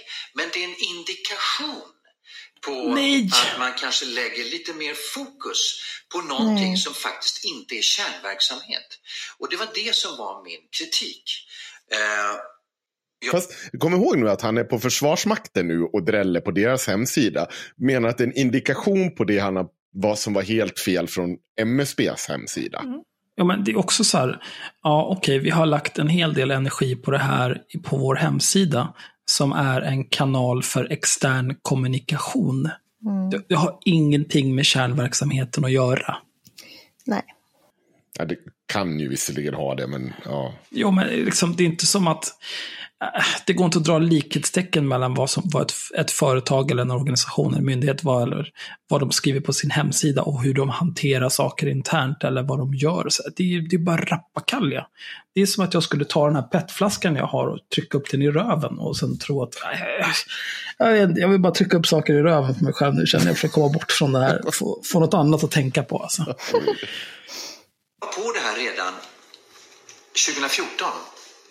Jag gjorde en föreställning då och i samband med den föreställningen så, så tog jag upp den här frågan eh, och använde mig av den i föreställningen. Och samtidigt så rasade ju de här skogsbränderna i Västmanland vid det tillfället. Samtidigt ungefär så la MSB en bra bit över 10 miljoner kronor. Jag tror att det var till och med 16, men det där ska jag låta vara osagt.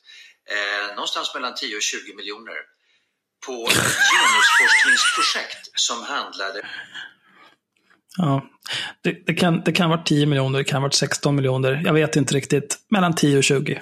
Maskulinitet okay. kunde innebära en risk.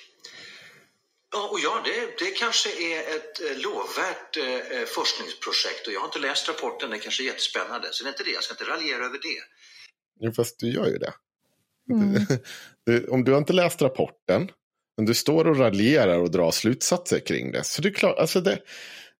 Men, man var inte så bra på att släcka bränder. Och då har man så att säga försummat kärnverksamheten. Och han är expert på bränder också. Gud vad praktiskt. Lärde sig. Därför att ett ja, vänta, får, får jag bara kolla en sak här? Kan du pausa lite? Mm.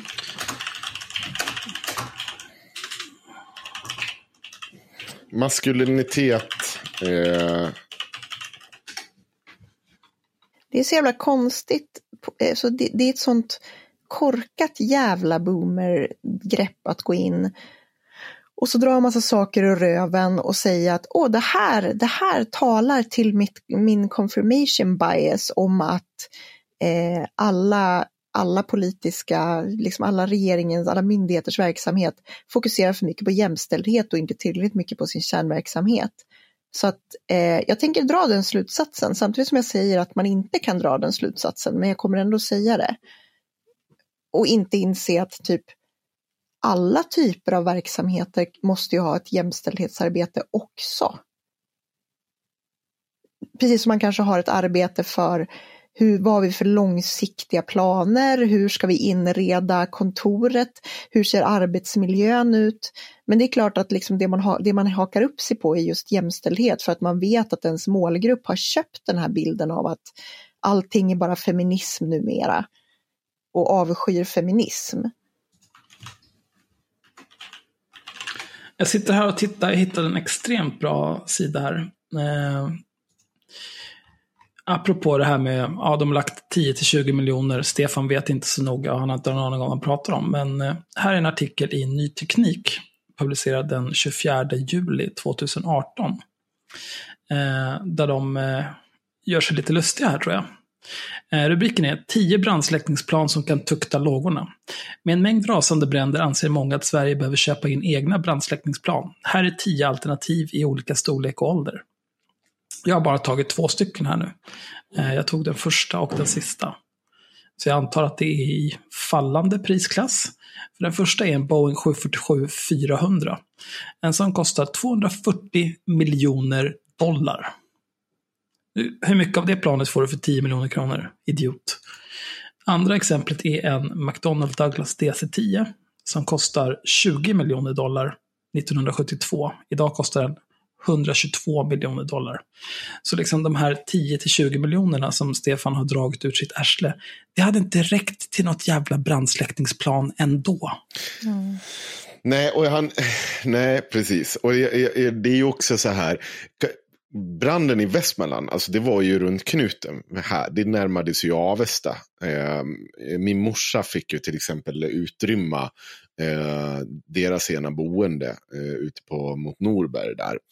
Och eh, alltså, det var ju en fråga om en extrem torka igen. Eh, ett enormt snabbt eh, förlopp av bränderna. Eh, och de vart ju stora. Och det, vi vart ju tvungna att kalla in hjälp med sådana här brandbombningsplan. För vi fick ju inte kontroll på det. Det var ju inte problemet att man inte kunde släcka bränder. Det var ju problemet att man inte hade den typen av eh, enorm utrustning som krävdes. Alltså man, man eh, projekterar ju inte för att halva landet ska brinna. För det är helt omöjligt. Det är som att projektera för att halva, halva landet brinner, andra halvan översvämmas, all el för, Man kan liksom inte budgetera för varenda jävla katastrof som kan hända in absurdum. Men hade det inte varit för feminismen, då hade, vi, då hade, då hade hela landet kunnat brinna ner, vi hade haft, kunnat haft pandemi och allting hade varit jättebra. Jag hittade en till artikel här eh, från Sveriges Radio publicerad 25 juli 2018. Det är, de har pratat med Dan Eliasson, som var chef för MSB när det begav sig. Eh, och han eh, gissar då att stödet, eh, brandsläckningsstödet som vi fick från EU kommer kosta 100 miljoner kronor. Jag vet inte om mm. det slutade på 100 miljoner kronor, så där, men ja, om man jämför 2,5 miljard för en ett Boeing-plan och köpa in det och se till att och drifta det. Det lär inte vara gratis att hålla i drift Nej. året om heller. Eh, och han jämför det med att betala 100 miljoner kronor för att få hjälp från, eh, vad var det, polska brandmän och italienska brandbombare. Mm, ja. Eh, om man jämför det så är det en mycket bättre prislapp och det är just därför som vi har samarbeten som EU. Det är för att alla länder kan inte ha maximal beredskap för varenda jävla grej, men om vi samarbetar så har vi tillsammans beredskap för att hantera när det händer på ett ställe. Det är det som är hela grejen. Hur kan man inte begripa det här? Det är så jävla dumt. Förmodligen för att, alltså det som jag har sagt om de här jävla Sverige som var någon gång förut. Problemet är att det här är människor som innan sociala medier inte överhuvudtaget brydde sig om politik. De bara gick runt i sitt liv och hade det bra och sen så kom sociala medier och plötsligt så fattade de att det fanns någonting som var politik och så blir de jätteengagerade. Men de är engagerade på samma sätt som så här 15-åriga eh, 15-åringar blir engagerade och tror att de vet precis allt om politik. Och så är de så här jobbigt nyfrälsta och kan ingenting. Vi ska ta det sista nu så vi kommer igenom det här någon gång. För det är mer galenskap mm. efter det här då. Och då hade man fortfarande inte lärt sig. Utan eh, då var vi tvungna att ta hjälp från Polen. Polska brandbilar körde genom Sverige och vi svenskar vi applåderade. Vi, vi har ju en tendens att göra det. Ja, det var liksom det här jag var ute efter. Men eh, det kom liksom bort beroende på en teknikalitet. Och källkritik är viktigt. Men det var inte så att jag var fel ute. Tvärtom. Eh, det var bara det att det var lite för långt där. Det skulle vara så istället, men det är fortfarande för långt. Det ska vara här någonstans, eller kanske där. Så var det med den saken. Så att, eh, men nu, eh, nu är det som det är. Och nu säger inte jag det här Eh, för att strö salt i såren eller att hänga någon. Eh, det är inte alls det. Sår? Det, det, det, där, det, där kan vi ta sen. Alltså jag orkar inte, måste vi lyssna på den här jävla gubben? Det är viktiga saker, det är väldigt viktiga saker.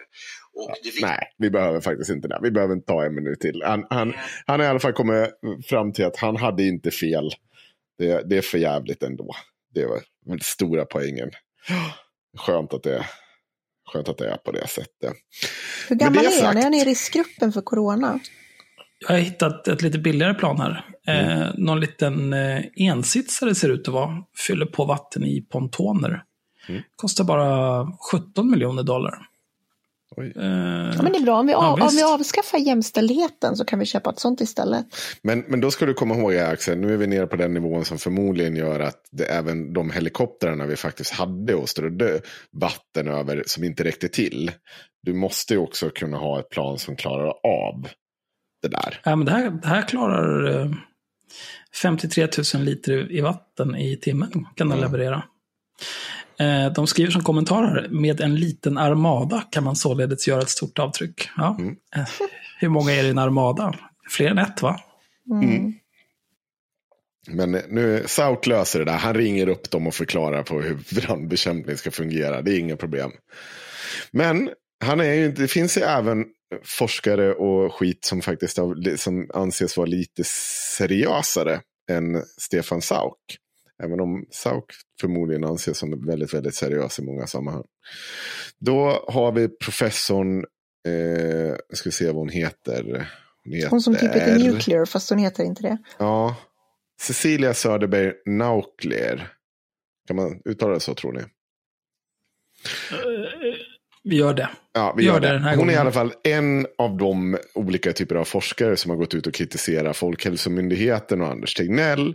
Hon säger så här i en kommentar till Aftonbladet. Cecilia Söderberg Naukler, läkare och professor på Karolinska institutet som forskar på virus och vår immunförsvar har undertecknat båda debattartiklarna och hennes förtroende för Anders Tegnell är förbrukat. Jag tycker han ska avgå. Det behövs, inte, det behövs någon som lyssnar på hela forskarsamhället, som har en öppen dialog, säger hon. Det här skrevs då under dagen. Artikeln kommer ut uh, vid två tin, elva tin kanske först till och med. Och sen uppdateras den vid två tin. Uh, eh, Cecilia får väl syn på sin egen artikel där hon medverkar och um, bestämmer sig då för att um, skriva en tweet. Hon säger så här. Vi, det vill säga forskarna, vi vill fortsatt se en öppenhet kring data, ett samarbete och vilken riskbedömning av läget man gör.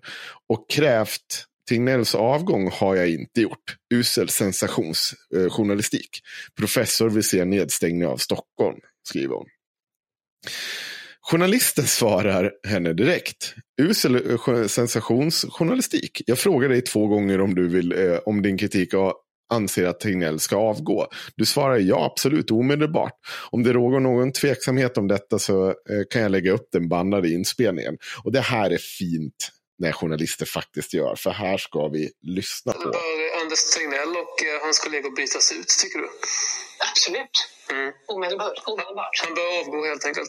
Ja, det tycker jag. Ja. Jävla klant.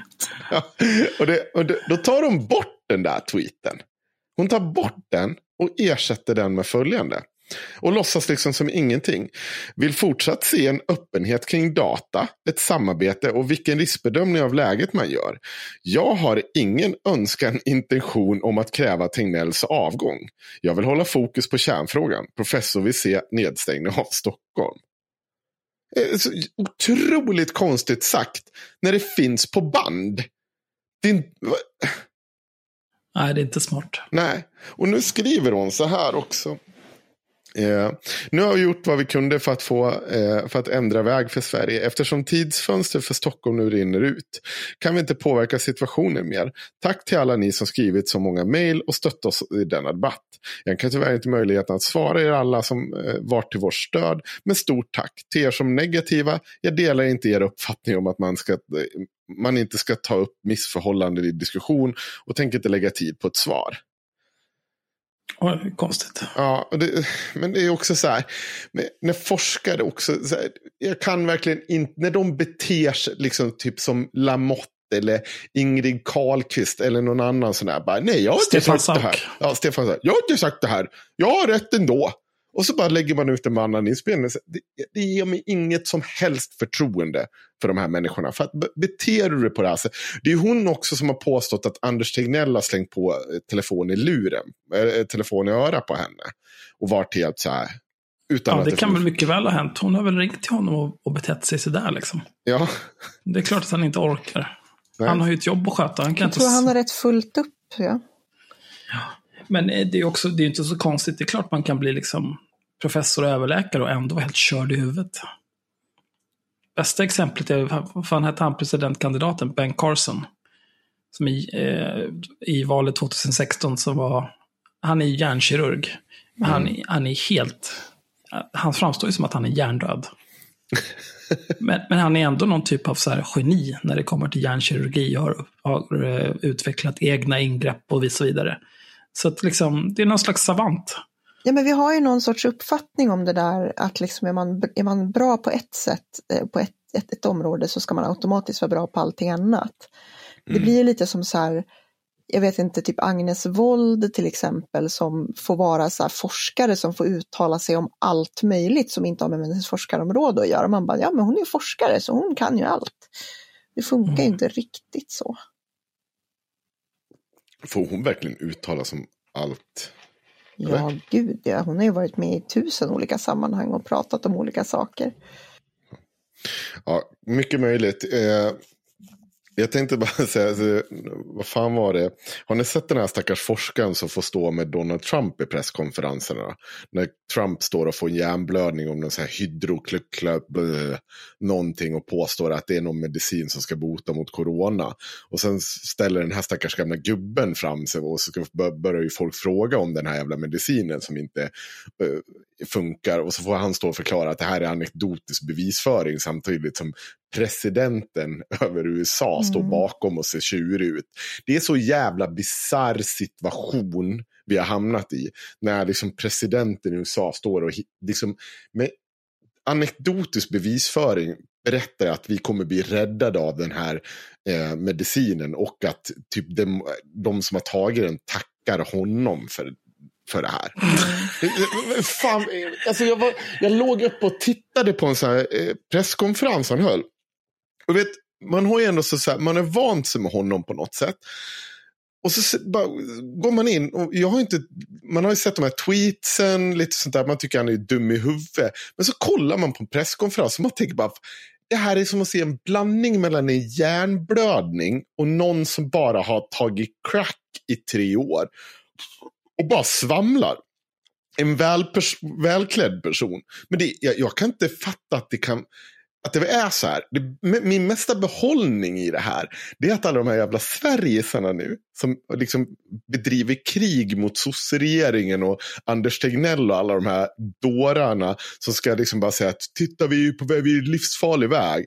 Ingen av dem nämner ett ord om Donald Trump och hans totala vansinne han bedriver där borta. Alltså USA är ju på väg att gå åt fucking helvete. Det är bra. Och, och, ja, och jag älskar, så du vet Malcolm till exempel som alltid, vi tog upp det i förra avsnittet, hans domedagsprofetier kring det här som han kör. Han har alltid sett och lulsa åt Donald Trump och bara tyckt att det är, folk fattar inte hur stor den är och bla bla bla. Nu, helt, han håller käften, inte ett ljud kommer ur dem. För att de vet att det här, det, det som går inte. Det här började ju redan när Trump vann tror jag. Alltså, det var ju väldigt många från både liksom den svenska ytterhögern och sådär som hyllade Trump. Och de har ju liksom mm. blivit tystare och tystare allt eftersom. De gjorde ju många memes om att han var the God Emperor of Mankind från mm. Warhammer 40K. Mm. Det är ju en ganska passande beskrivning med tanke på att eh, The God Emperor sitter ju på the Golden Throne sedan 10 mm. 000 år tillbaka och är ett jävla lik. Mm. Uh, så det var ungefär samma. Ja. jag undrar om Stefan Sauk, det slog mig nu när, vi, när jag, jag var tvungen att googla Stefan Sauk för, för att komma på vem det var, typ hur han såg ut. Och så insåg jag att kanske Stefan Sauk håller på att morfa till att bli Stefan Molyneux, vilket vore väldigt roligt. Stefan Molyneux tänker... är ju, är ju en, en så här video slash podcaster som är, eh, som är alltså en högerextrem vit nationalist typ. Han pratar också väldigt mycket om sånt här. De låter lite likadant nu, tänker jag. Eh. Jag tänker alltid på Jonas Hållén när jag ser Stefan Sauk. Ja, de är också lite lika, de har samma look. Ja, men liksom utmärglade gubbar.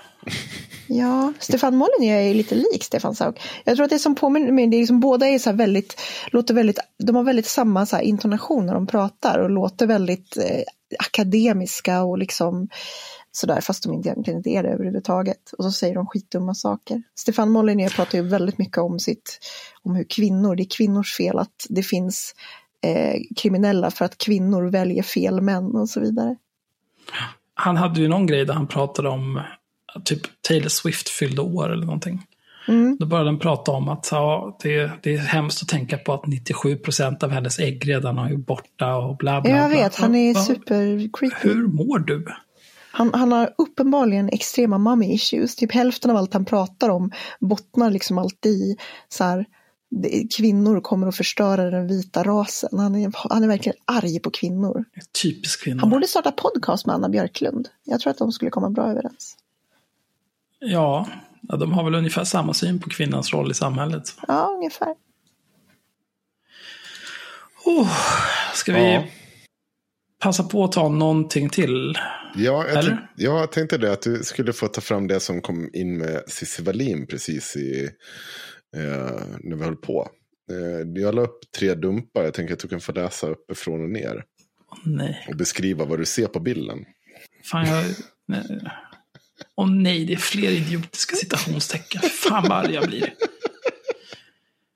Eh, det är en bild här på en man som står bredvid en staty av en naken kvinna. Och så står han och eh, simulerar att han slickar på sagda statykvinnas vänstra bröst. Eh, spex, som vi säger i branschen. Eh, Då har Cissi Wallin åsikter här. Bara kvinnor på kvinnojourer. Många av er tyckte att jag var för dömande och rent osympatisk när jag, inom parentes, och Gardets.nu, slutparentes, för några månader sedan la fram det oroväckande glömda faktum att det finns en hel del tjej och kvinnojourer runt om i Sverige som har manlig personal. Mm. Alla dessa jourer som släpper in män tillhör unison jourer och jag var sakligt Va, kritisk vad mot att sa de inte du för någonting? Sa du horor? Du, Vad fan? Varför ska jag säga horor? fan vet jag, tror du läste Nej, Jag tar, jag tar avstånd. Okej. Fan. ja, kör. Alla dessa horor som släpper in män tillhör unison horor och jag var sakligt kritisk mot att de inte lider rock-Sverige enbart jobbar kvinnoseparatistiskt. Varför vill man riskera att redan väldigt utsatta tjejer och kvinnor ska tvingas möta män som faktiskt kan vara nya förövare? Unison blev sura på mig och gardet och verkade ta hela kritiken som en personlig attack. Svep till höger så ser ni en bild på mannen Mattias från öppna sociala medier som i detta nu alltså är anställd på en av Unisons horor som tar emot utsatta kvinnor i södra Sverige. Får jag, får jag stoppa dig innan nu? För två saker. Ja. Det, det här ska man ha i åtanke att eh, hon höll, när de höll på att härja mot Unison jourer så... um, Jag tar avstånd. Ja, fan. Då, back in the day, då sa man att man skulle komma åt det med någon typ av granskning om hur illa det har gått med kvinnor på de här boenden. Men du vet, det kommer ju aldrig de här. Det här, det, det händer ju aldrig. Hon gjorde hon, hon gör ju, nej men de gör, de gör, hon gör ju så här gång på gång på gång. Att hon bara snubblar in i någonting. Säger så här, ah, men det här, det här tror vi är en stor grej i samhället nu. Nu skriver vi om det. Och sen kommer hon och säger så här, ah, men vi ska hitta belägg för det sen. Precis på samma sätt var det med det här med unisonjourer. Att kvinnor hade drabbats illa av att det fanns män på kvinnojourer. Och det skulle de visa upp sen minsann. Men det har ju aldrig kommit någon jävla granskning av det där. Hon kanske kan lära sig av Stefan Sauk hur man belägger en teori utan att faktiskt göra någonting annat än använda en sökmotor på valfri webbsida. Ja, att säga att man ska göra en granskning av någonting och sen inte göra en granskning, det är ju bara en teknikalitet. Ja, Det är ju inga problem. Och häromdagen fick jag veta att en man som jobbat på en annan kvinnohor tyckte det var en god idé att onanera framför en kvinna som sökt skydd och stöd på horen. Hela historien tystades ner eftersom mannen i fråga är så trevlig och omtyckt överlag. Korrekt använda citationstecken. Mm. Eh, oj, nu är, det, nu är det kravaller i kommentarsfältet här. Ja, men vi kan ju också börja med, innan du läser kommentarsfältet. Det är ju att eh, eh, vi kan konstatera, han står alltså, jag, jag är väldigt så här, det är väl inte så jävla passande kanske att han står och slickar. Men jag är väldigt svårt att se exakt vad, ja, dels ett, varför karln blir uthängd med namn och bild. Eh, för att han står vid en stenstaty med tungan ut över men vadå, hade han inte runkat, hade han inte runkat inför Nej, det är en annan person. Den här Aha, personen men- som blir uthängd med bild och namn. Va, Han, vad är eh, här han- han han står bredvid en staty. Kolla i chatten för att se. Jo, jo, men jag fattar inte vad, vad, vad han med inlägget att göra? Honom, honom skriver om. Ja.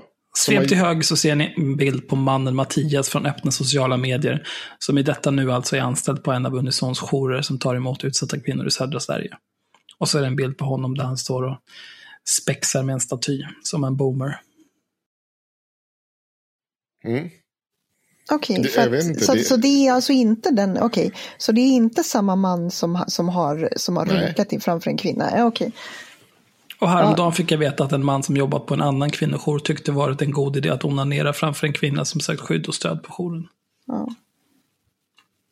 Ja. Ska vi läsa Hade du någonting du... Ja, vi läser kommentaren. Gud vad kul. Unison Jourer svarar här. Hej! Påståendet att mannen är anställd på en av Unisons jourer stämmer inte. Bra om du justerar det inlägget. Cissi Wallin svarar. "Eh, har han slutat? Eh, någon tredje person kommer in här och tycker att avgå alla. Han har jobbat för er. Unison svar och jourer svarar till Cissi Wallin. Ja, för länge sedan. Eh, och Unison svar, jourer svarar också till den här andra personen. Har är inte samma som i detta nu. Ah, gud vad grötigt det här är alltså. Mm. Men vem är det de syftar på? Är det runkaren? Nej, det är ju han som är på eh. Statyslickaren. Statyslickaren. Statyslickan. Ja. Eh, jag tänker skita i vad den här jävla tredje personen skriver. Ja, skit i det. För det är ju helt ointressant ändå. Sissi svarar Unison jourer. Hur länge sedan? Han har ju varit lite av en talesperson och ansiktet utåt i flera stora medier för er jour. Kollade ni inte hans sociala medier innan ni valde att genom jobbet och uppdraget att vara berörda jours typ ansikte utåt? Typ ansikte utåt. Fan. Unison jourer svarar. Om du syftar på unison när du skriver ni så har vi som riksförbund ingenting med enskilda jourers anställningsförfaranden att göra. Cissi Wallin svarar. Det är ju ni som är riksförbundet som också öppnat upp för att låta män jobba på jourerna under er flagg. Jag har ställt frågan tidigare utan att få något riktigt svar. Hur kan ni till skillnad från ROX skippa kvinnoseparatismen och hålla fast vid att skippa den när det nu finns fler exempel på varför det de facto är för riskabelt att låta män jobba hands, hands-on nära utsatta tjejer och kvinnor. Hur motiverar ni det? Det här är också så jävla oklart vad det är i att du gör det här som, som gör att på något sätt du skulle inte kunna jobba med kvinnor, att det skulle vara på något sätt hotfullt mot dem. Ja, alltså. Jag eh, jobbar inte på en kvinnojour, men jag skulle inte lägga upp en sån bild på mig själv. Nej, nej men det skulle inte... Facebook. Det har jag gjort, det kan jag ge er fan på att jag har. Alltså grejen är att jag har verkligen till 110 procent gjort det. Men jag sk- skulle hellre liksom, ja, ja, det är... Det är väldigt, det är väldigt så här, det blir en väldigt konstig grej när du börjar säga att ah, det här är någon som har en gammal bild. Vi vet, vi vet ju inte hur gammal den här bilden är, vi vet inte vilket sammanhang den är tagen, vi vet ingenting. Här är någon som har en bild där han slickar på en statys tutte. Det här måste innebära att han är att jämställa med någon som begår övergrepp på kvinnor, utsatta kvinnor som har fått stöd av en kvinnojour. Ja, hon skriver ju uttryckligen här att eh, det de facto är för riskabelt att låta män jobba hands-on nära utsatta tjejer och kvinnor. Baserat bland annat på den här mannens bild. Jag vet inte. Det är en, det är en eh, extremt... Eh, nej, inte ex- extremt. Det är bara så här en, en töntig grej. Eh, och kanske en smula opassande om man jobbar med utsatta kvinnor. Det är det ju. Men, men jag menar, det behöver ju inte betyda att han är serievåldtäktsmördare. Nej. Nej, det, det, de, den, den, vad säger man, orsakssambandet kan man inte dra. Nej. Nej, hade, du, hade du något mer du ville säga om det här? Ja, nej, eller nej, det jag tänkte bara, men jaha, okej. Nu- Jo, jag vill ju framförallt, det är så jävla intressant, nu kommer de igen, så bara, han jobbar inte här. Så här, och, och vad ska man ta ställning till då? Så här, då om nej, han jobbar inte där längre, nej då får jag väl ta bort det här jävla inlägget. Och sen börja som i efterhand, så bara, ja men när slutar han då? när, när tog det här slut då? Jag har ju bara sett. Så bara, men ska du inte presentera någon slags bevis för att det är du som ska ta reda på det här? Det här börjar ju mm. likna som när Rebecca Weidemovell satt och anklagade, eh, vad heter de, eh, Alliansfritt Sveriges, någon stackars Robert som kassör i Alliansfritt Sverige. Och den här Robert bara... Doxade inte, fel kille. Ja, jag är inte den Robert Johansson eller vad fan det nu var han hette och fick liksom sitta och bevisa sin egen oskuld. Nu har den här jävla karln som då ska ut inför hundratusen människor för att en, vi en gång var en jävla boomer och stod och slicka eh, på en stenstaty. Det är liksom inte, det, får, det måste ju finnas några jävla gränser för Framförallt så är det ju en ganska, det här är ju återigen ett exempel på någon som tycker att, att de kan uttala sig väldigt kategoriskt i extremt komplexa frågor utan att ha någon som helst kunskap om hur komplext det faktiskt är. Nej, och hon säger ju hon säger också där att ni har ju frågat er varför ni tillåter det här. Ja, jag kan berätta varför. För att de är fucking jävla medlemsförening. Så du får gå ut och fråga alla medlemmar som har röstat för att det ska vara på det här sättet. Det är, mm. liksom, det är ingenting som har tagits av en person i Unisons styrelse på ett, utan det är ju ett, någon, ett beslut som har tagits av, som är röstat igenom. Det är liksom som att du ska gå ut och säga så här, varför vill vi ha polis i Sverige? Ja, för att vi har kommit överens om det enligt liksom demokratins ja, principer. Eller, eller, ett fack, eller ett fackförbund. Alltså fackförbundet ja. ska ju i bästa fall, för det kan man ju säga, alltså Unison och Roxy är båda sammanslutningar, liksom paraplyorganisationer för kvinnojourer. Ja. Eh, de, de lyder ju åt kvinnojourerna, inte tvärtom. Så att ja det vore väl kanske då mer relevant att höra av sig till den aktuella kvinnojouren och fråga varför valde ni att anställa den här mannen? Eh, och sen så får de förklara det. Och, för det kan ju faktiskt också vara så att de säger, ja men vi har sett den här bilden och vi har pratat om den. Alltså, du, du vet ju inte, du vet ju ingenting. Utan det är ju svagaste sortens jävla liksom, Instagram-bevisföring där man tar någonting och sen så bygger man en höna av en fjäder baserat på en magkänsla. Typ som Stefan ja. sa. Ja, det känns som att det är ett genomgående tema idag. Människor som bara... Koka soppa på en spik. Ja, mm. säger saker. Men man känner någonting och sen så försöker man lyfta fram saker som stärker den känslan. Istället för att faktiskt typ göra en undersökning på det. För det hade ju Men varit det är ju rimligt. Jobbigt. För det rimliga hade varit att göra undersökningen först och sen presentera resultatet. Inte gå ut med resultatet först och säga vi kommer att göra en undersökning på det här. Det är så jävla konstigt. Ja, men det är ju lite grann som när Ivar Arpi skulle skriva bok. Jag håller mm. just nu på att skriva en bok för att undersöka hur genusvetenskap förstör allt. Mm. liksom, det var hans premiss. Ja, du är duktig du. Kul. Undrar när den kommer förresten. Är inte den släppt? Det var inte ett år sedan han började med den där. Jag, vet inte. jag minns att han skrev om det där på Twitter när jag fortfarande hade ett konto. Det är typ ett år sedan. Alltså det, det är roligt, han har ju snott det där bara rakt av av typ Jordan Peterson och de andra i hans sfär, för de har ju drivit den tesen eh, för många, många år. Han är ju bara, som vanligt är vi ju Sverige några år efter den amerikanska diskursen. Liksom. uh, ja. Uh, vi kan ju runda av det här med att Ego Putilov har hört av sig och sagt att mediestödet från regeringen verkar ha nått sin slutdestination när jag, på mitt inköp av touchskärm. Fan vad nöjd jag blir. Hoppas han mår mm. riktigt jävla dåligt över att jag köpte den där bilen.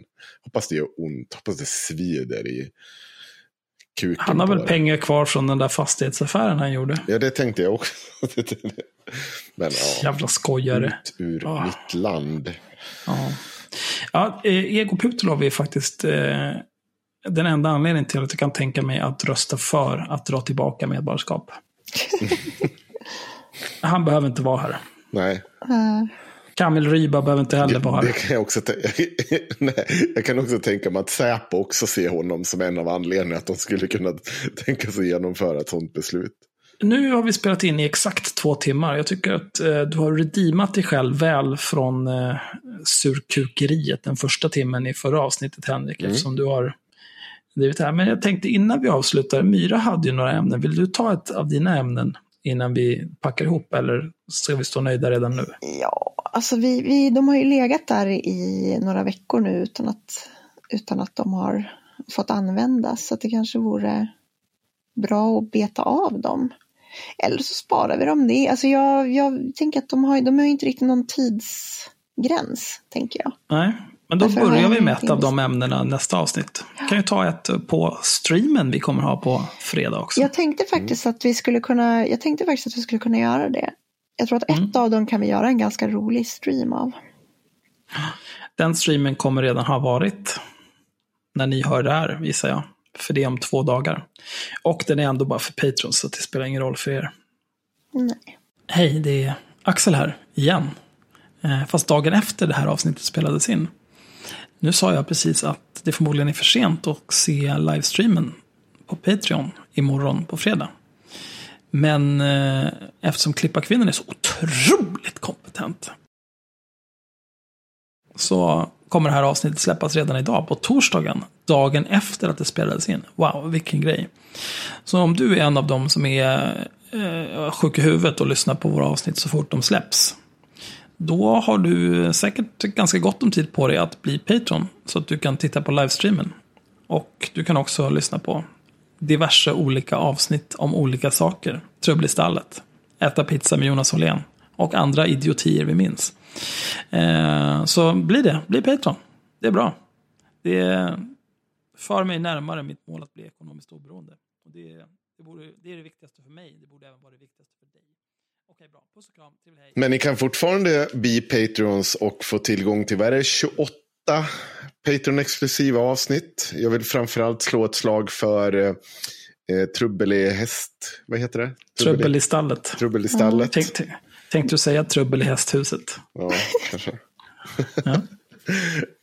Jag tycker att det fortfarande är, är ett av våra mest underskattade avsnitt. Det är inte underskattat, det är många som, det är många som gillar det tycker bra. jag eller av de som hör av sig och pratar om sitt favorit Patreon-avsnitt så säger de flesta trubbel i stallet. Är det så? Vilket är lite av en besvikelse faktiskt.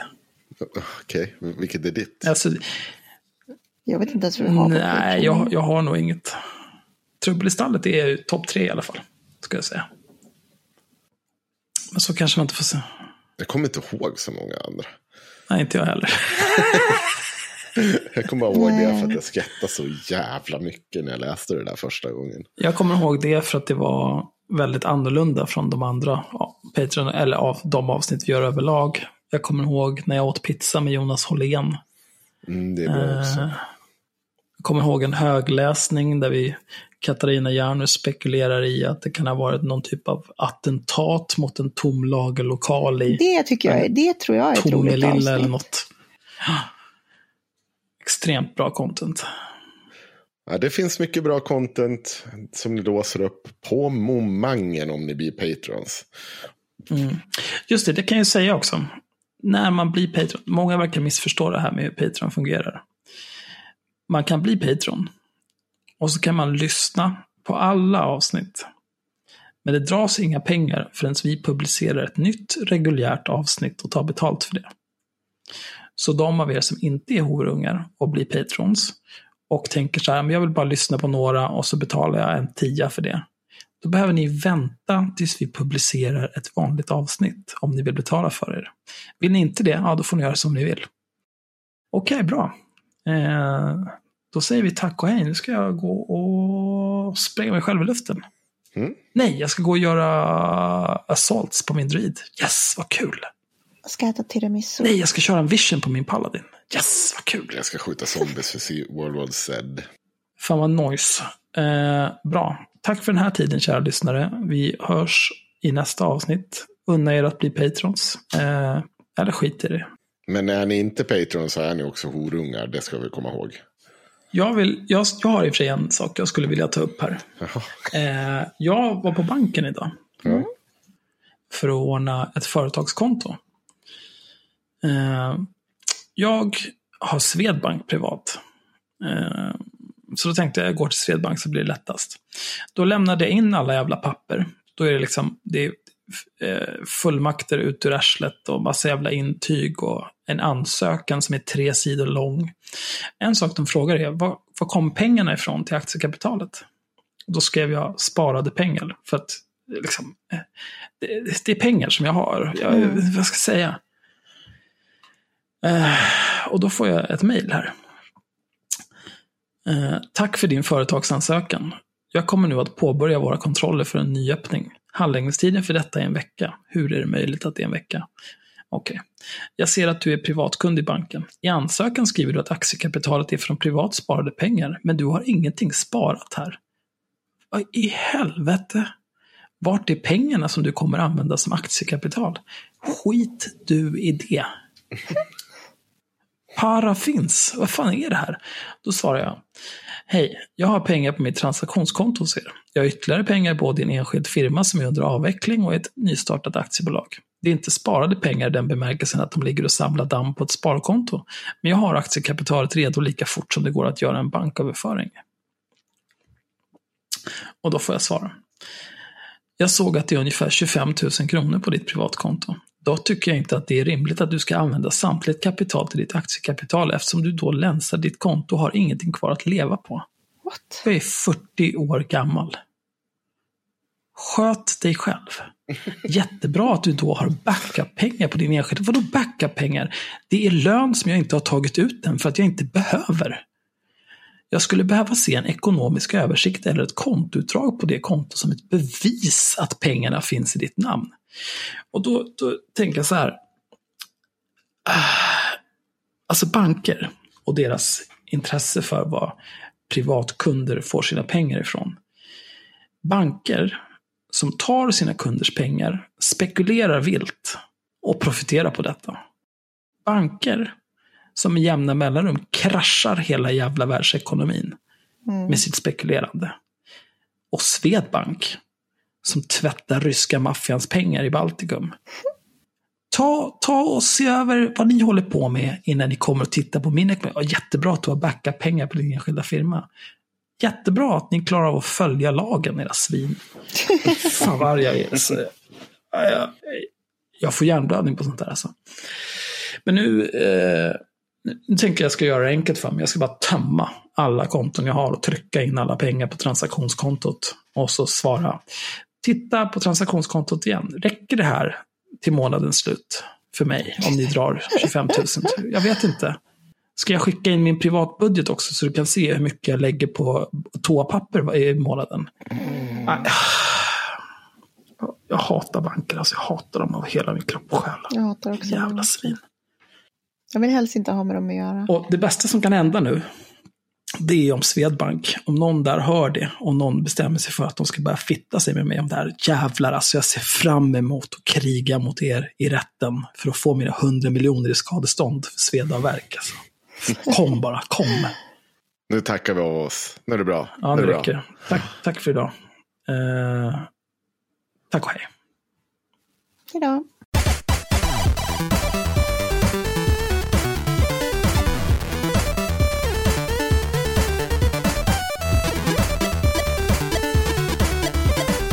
Team, Team Clipper-kvinnan.